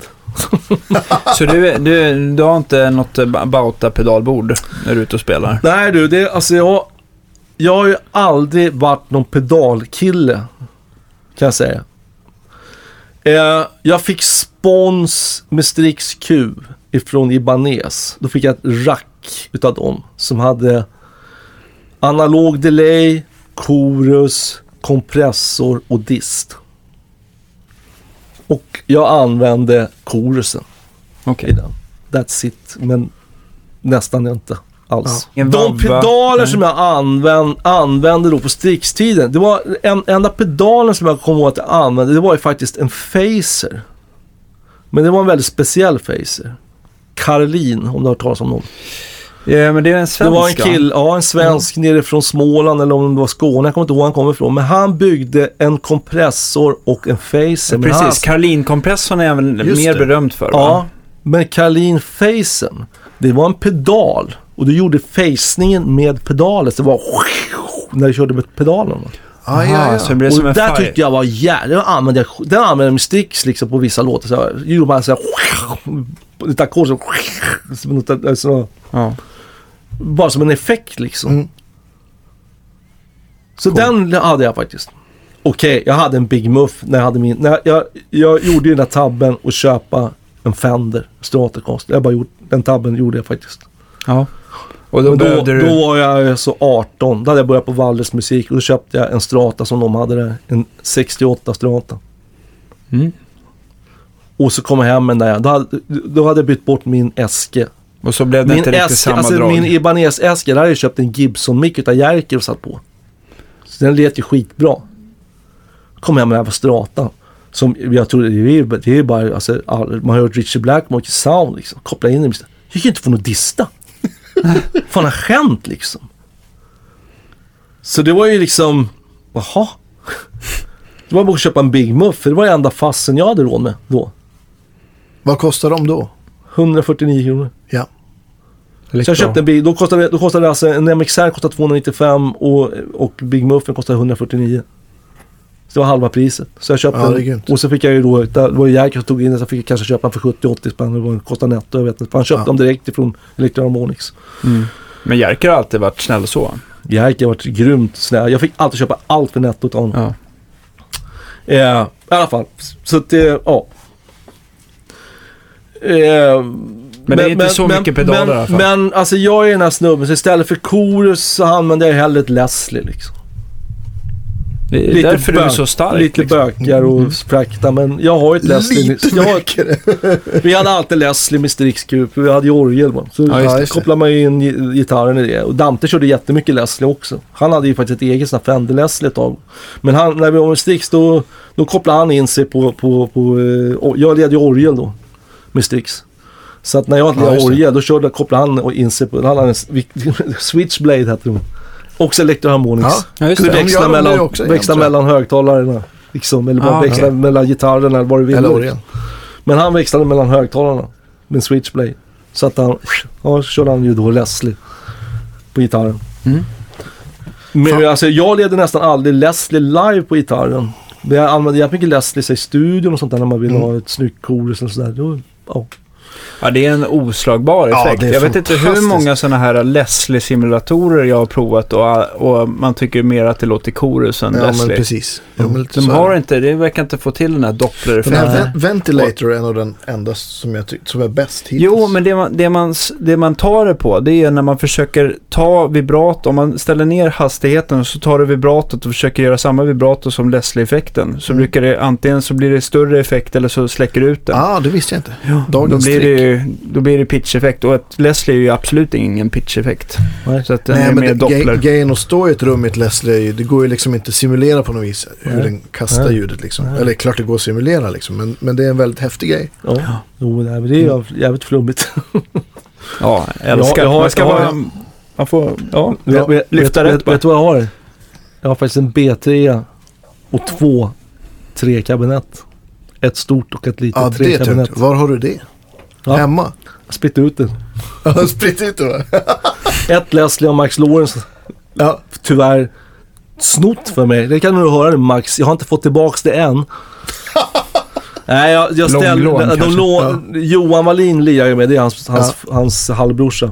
Och Johan lånade mitt Leslie för att vi hade replokal. Jag hade ingenstans att ställa. Så jag tyckte, han sa bara jag tar hem, jag tar, hem det och ställer i, i, i Max studio. Ja, gör det. Ja, så då hade de det där.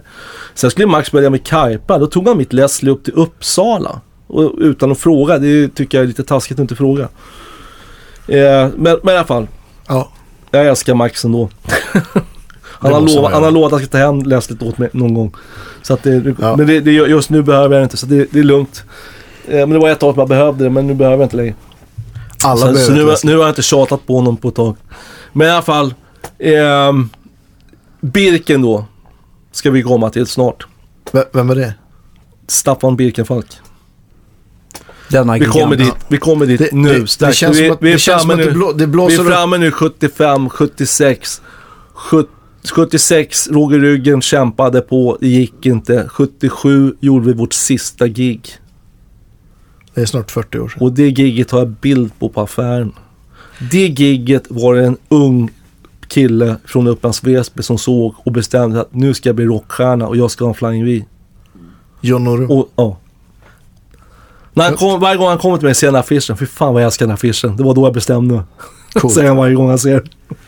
Stort ju. Ja, det känns Ja. som att det, det blåser upp till dubbelavsnitt här känner jag. Ja, Absolut. Precis. Hur, lång- eh, hur långt eh, har vi spelat in nu? Ja, Vi, har, vi är på nästan 1.40. Oh, ja, men, men vi, tar en, vi tar en paus så blir Ja, det vi, vi, kör, vi kör, vi kör. Grejen är att jag har ju gig vet du. Ja, ja, men vi kan, vi, jag kan komma hit igen. Så- Men, men vi, vi, kör, vi kör fram här nu till, till, till 77 då, för att då börjar det hända grejer. Ja men det är bra. Men, men Roger Ryggen gör sitt sista gig på en festival i Upplands Väsby. Och som jag sa, där stod en liten kille och tittade på mig och bestämde sig att jag ska ha en Flying V. Och han kom ner till musikbörsen och köpte en Flying V. Och han hette, som du säger, John Norum. Det är coolt. Ja, och det där har... John har inte släppt det än. Han säger, "Ja, det var fan du som fick mig att börja köpa den där jävla Flying och börja lira. Alltså, du, du, vet, vet vad du betyder för mig? Ja, jag hoppas det, säger jag. Nej, jag har så svårt att ta till mig sånt där, att jag ska betyda någonting för någon. För jag tycker ju aldrig att jag har varit en bra gitarrist själv. Och det ska vi ta i nästa kapitel på den här historien. Som Mm. började då 1977. När, det var så här, när jag gick i plugget då i, i, i Riksbyskolan. Där jag träffade min underbara fru. Mm. Där, vi, hade, vi var i parallellskola med Arbransbergsskolan. där gick en kille som var två år äldre än mig. Så att han var ju då, gick ju då nian när jag gick i, i sjuan. Som spelade gitarr.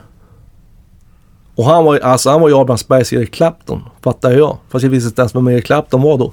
Men han var ju då jättebra sa jag alla där uppe. Och jag var och tittade på honom när han levde med sitt band i skolan och var ju, han var ju grym tyckte jag liksom. Och jag blev kompis med honom och han var, han var så otroligt schysst mot mig. För att han hade ju grejer så jag fick låna en pedal som jag faktiskt använder än idag, en booster. Utav honom. Och koppla in på min förstärkare jag hade då. Och det var en grym förstärkare kan jag säga. Det var, fanns en firma som hette LV ljudteknik. Som faktiskt jag tror finns kvar än idag. LV-Robban kallas han för. Robban Wikström. Okej. Vad L stod för, det var hans polare. De startade upp det LV ljudteknik, han och någon annan.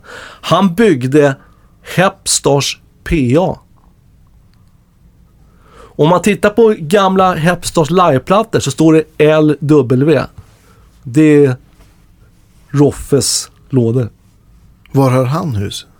I, i uh, Sumpan. Okej.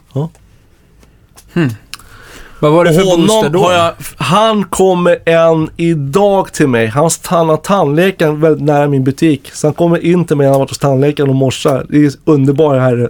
Jag köpte min första förstärkare till honom. Vad var det för Och boost? då fick jag provspela den förstärkaren med hans Les Paul. Han hade en 58 Goldtop. Yeah. Som min polare sen lyckades komma över. Roffe hette han inte. Nej, det hette han inte. Vad fan hette han? Wikström hette han i efternamn. Jag sa ju förut vad han hette. Ja, skitsamma. Kommer inte ihåg vad han hette nu bara för eh, I alla fall, han byggde ju då LV-förstärkare. För han var ju stjärnan då på förstärkare. Liksom. Ja. Och jag hade en LB-förstärkare och den lät hur bra som helst tyckte jag då. Och när man kopplade in den här boosten då som man fått låna utan den här killen. Nya kompisen som jag fick. ja. Som faktiskt hette Dante Holmberg. Ah, det var så ni träffades. Sedermera min mentor.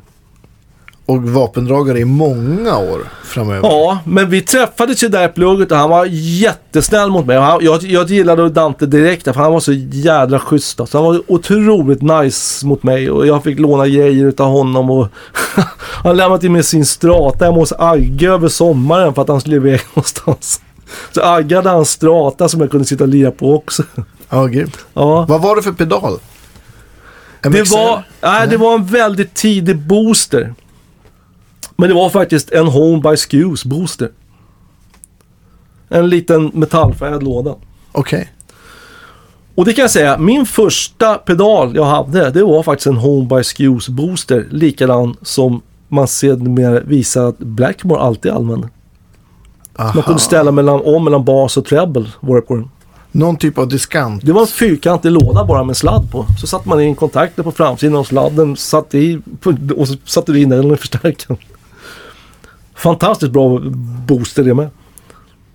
Känner inte till. Har du Nej. koll på dem Danny? Nej, men det låter som någon så här form av range master, att det lite funkar på Nej, samma boost, sätt. nej, men booster, alltså det, det, var bara en, det var ju bara en preamp i princip på Ja. den tiden. Mm. Ja, nå, kanske någon typ av germanium, kanske transistor eller något i den. Ja, jag, jag vet inte vad, vad fan. Så jag, jag tror faktiskt att, att, min, att jag tror att Agge, Agges brorsa, jag tror att han har kvar ritningen på, min, på den jag hade. Ja, det är coolt. Ja. Men det var Home, home by Skews i alla fall. Och det har blivit världens grej. De där, alltså den, den går för 10 000 spänn på, på, på Ebay när de dyker upp. Herregud alltså. Ja. Den gav jag, jag tror att jag, jag, tror att jag pröjsade en hundring för den på Valles. När jag köpte den på Valles. Ja, Så att det, ja, det var... En sån ska man väl få prova någon gång. ja verkligen. Ja, Får be någon bygga en om, om du har ritningen. ja. Nej men alltså jag, så, så, som jag sa, eh, jag och Björn Juhl, vi har ju inte haft så mycket kontakt med varandra eftersom jag aldrig har använt några effekter i, att tala om. Jag har faktiskt en Dimension C Chorus. Som man kopplar in om man orkar. Mm. Jag tycker Chorus är ganska snyggt när man inte har någon läsning. Ja, men det kan det vara. Men, men eh, jag är ju tyvärr som, som eh, min stora första idol där, Johnny Winter. Sätter jag på pedalen så kan jag inte stänga av den. Nej, men så är det ju på de, på, särskilt Han- på de liveplattorna. Han köpte ju sin, han köpte ju, han fick ju sin eh, MXR Facer. Den känns ju som att den stod på i flera skivor Ja men den var, ju, den, va? var ju, på- den var ju på i ett sekel. Men det är coolt. Det är ut, Switchen pajar. Nej, men- nej, men det var ju- det- Utslängd bralla och Ja, nej, men det var ju, alltså, du, när du lyssnar på, på, på en sån här liveplatta som, som, eh, som, eh, vad heter den? Åh, hans andra liveplatta. Från 76. Ja, precis. Den är på hela tiden. Ja, där är den Börjar med. Boney Maroney och... Ja, men precis. Och på någon låt så, så ja, nu tappade jag namnet. Så, eh, på andra gitarristen, då, då tror jag han kör Univibe. Floyd Radford. Ja, och så, och så kör, kör han Facer. Det är liksom Facer och Univibe samtidigt. På två gitarrer. Det är Äh, Ja, total nej, det är modulationsfest. nästan? Ja, ja, ja, visst. Grymt. Ja, nej men det var, det var, det var häftigt alltså. Jag inte kom på plattan. Du, Men jag, jag- måste, men- jag måste bara röra på mig Ja, snart. Absolut. Gör det. Men för att avrunda det här då, vad eh, förväntar vi oss? Vad ska vi börja någonstans eh, när du kommer tillbaka nästa program? Nej men då börjar vi 77. Med, med, då har inte jag träffat Dante på rätt länge alltså. Okej. Han kommer ner på min affär och ska hyra PA. Vi tar vid där. Vi tar Där, bör- där börjar ju min stora grej. När vi har hört nu hittills, det var ju allting innan. Ja. Men det måste man få reda på annars. Ja, så. För det andra ska Ja. Ja. make sense. Tack för idag alla inblandade. Så Tack själv. syns vi Ja. snart igen. Jajamän. Du kan nästan lämna lappen här så tar vi det snart.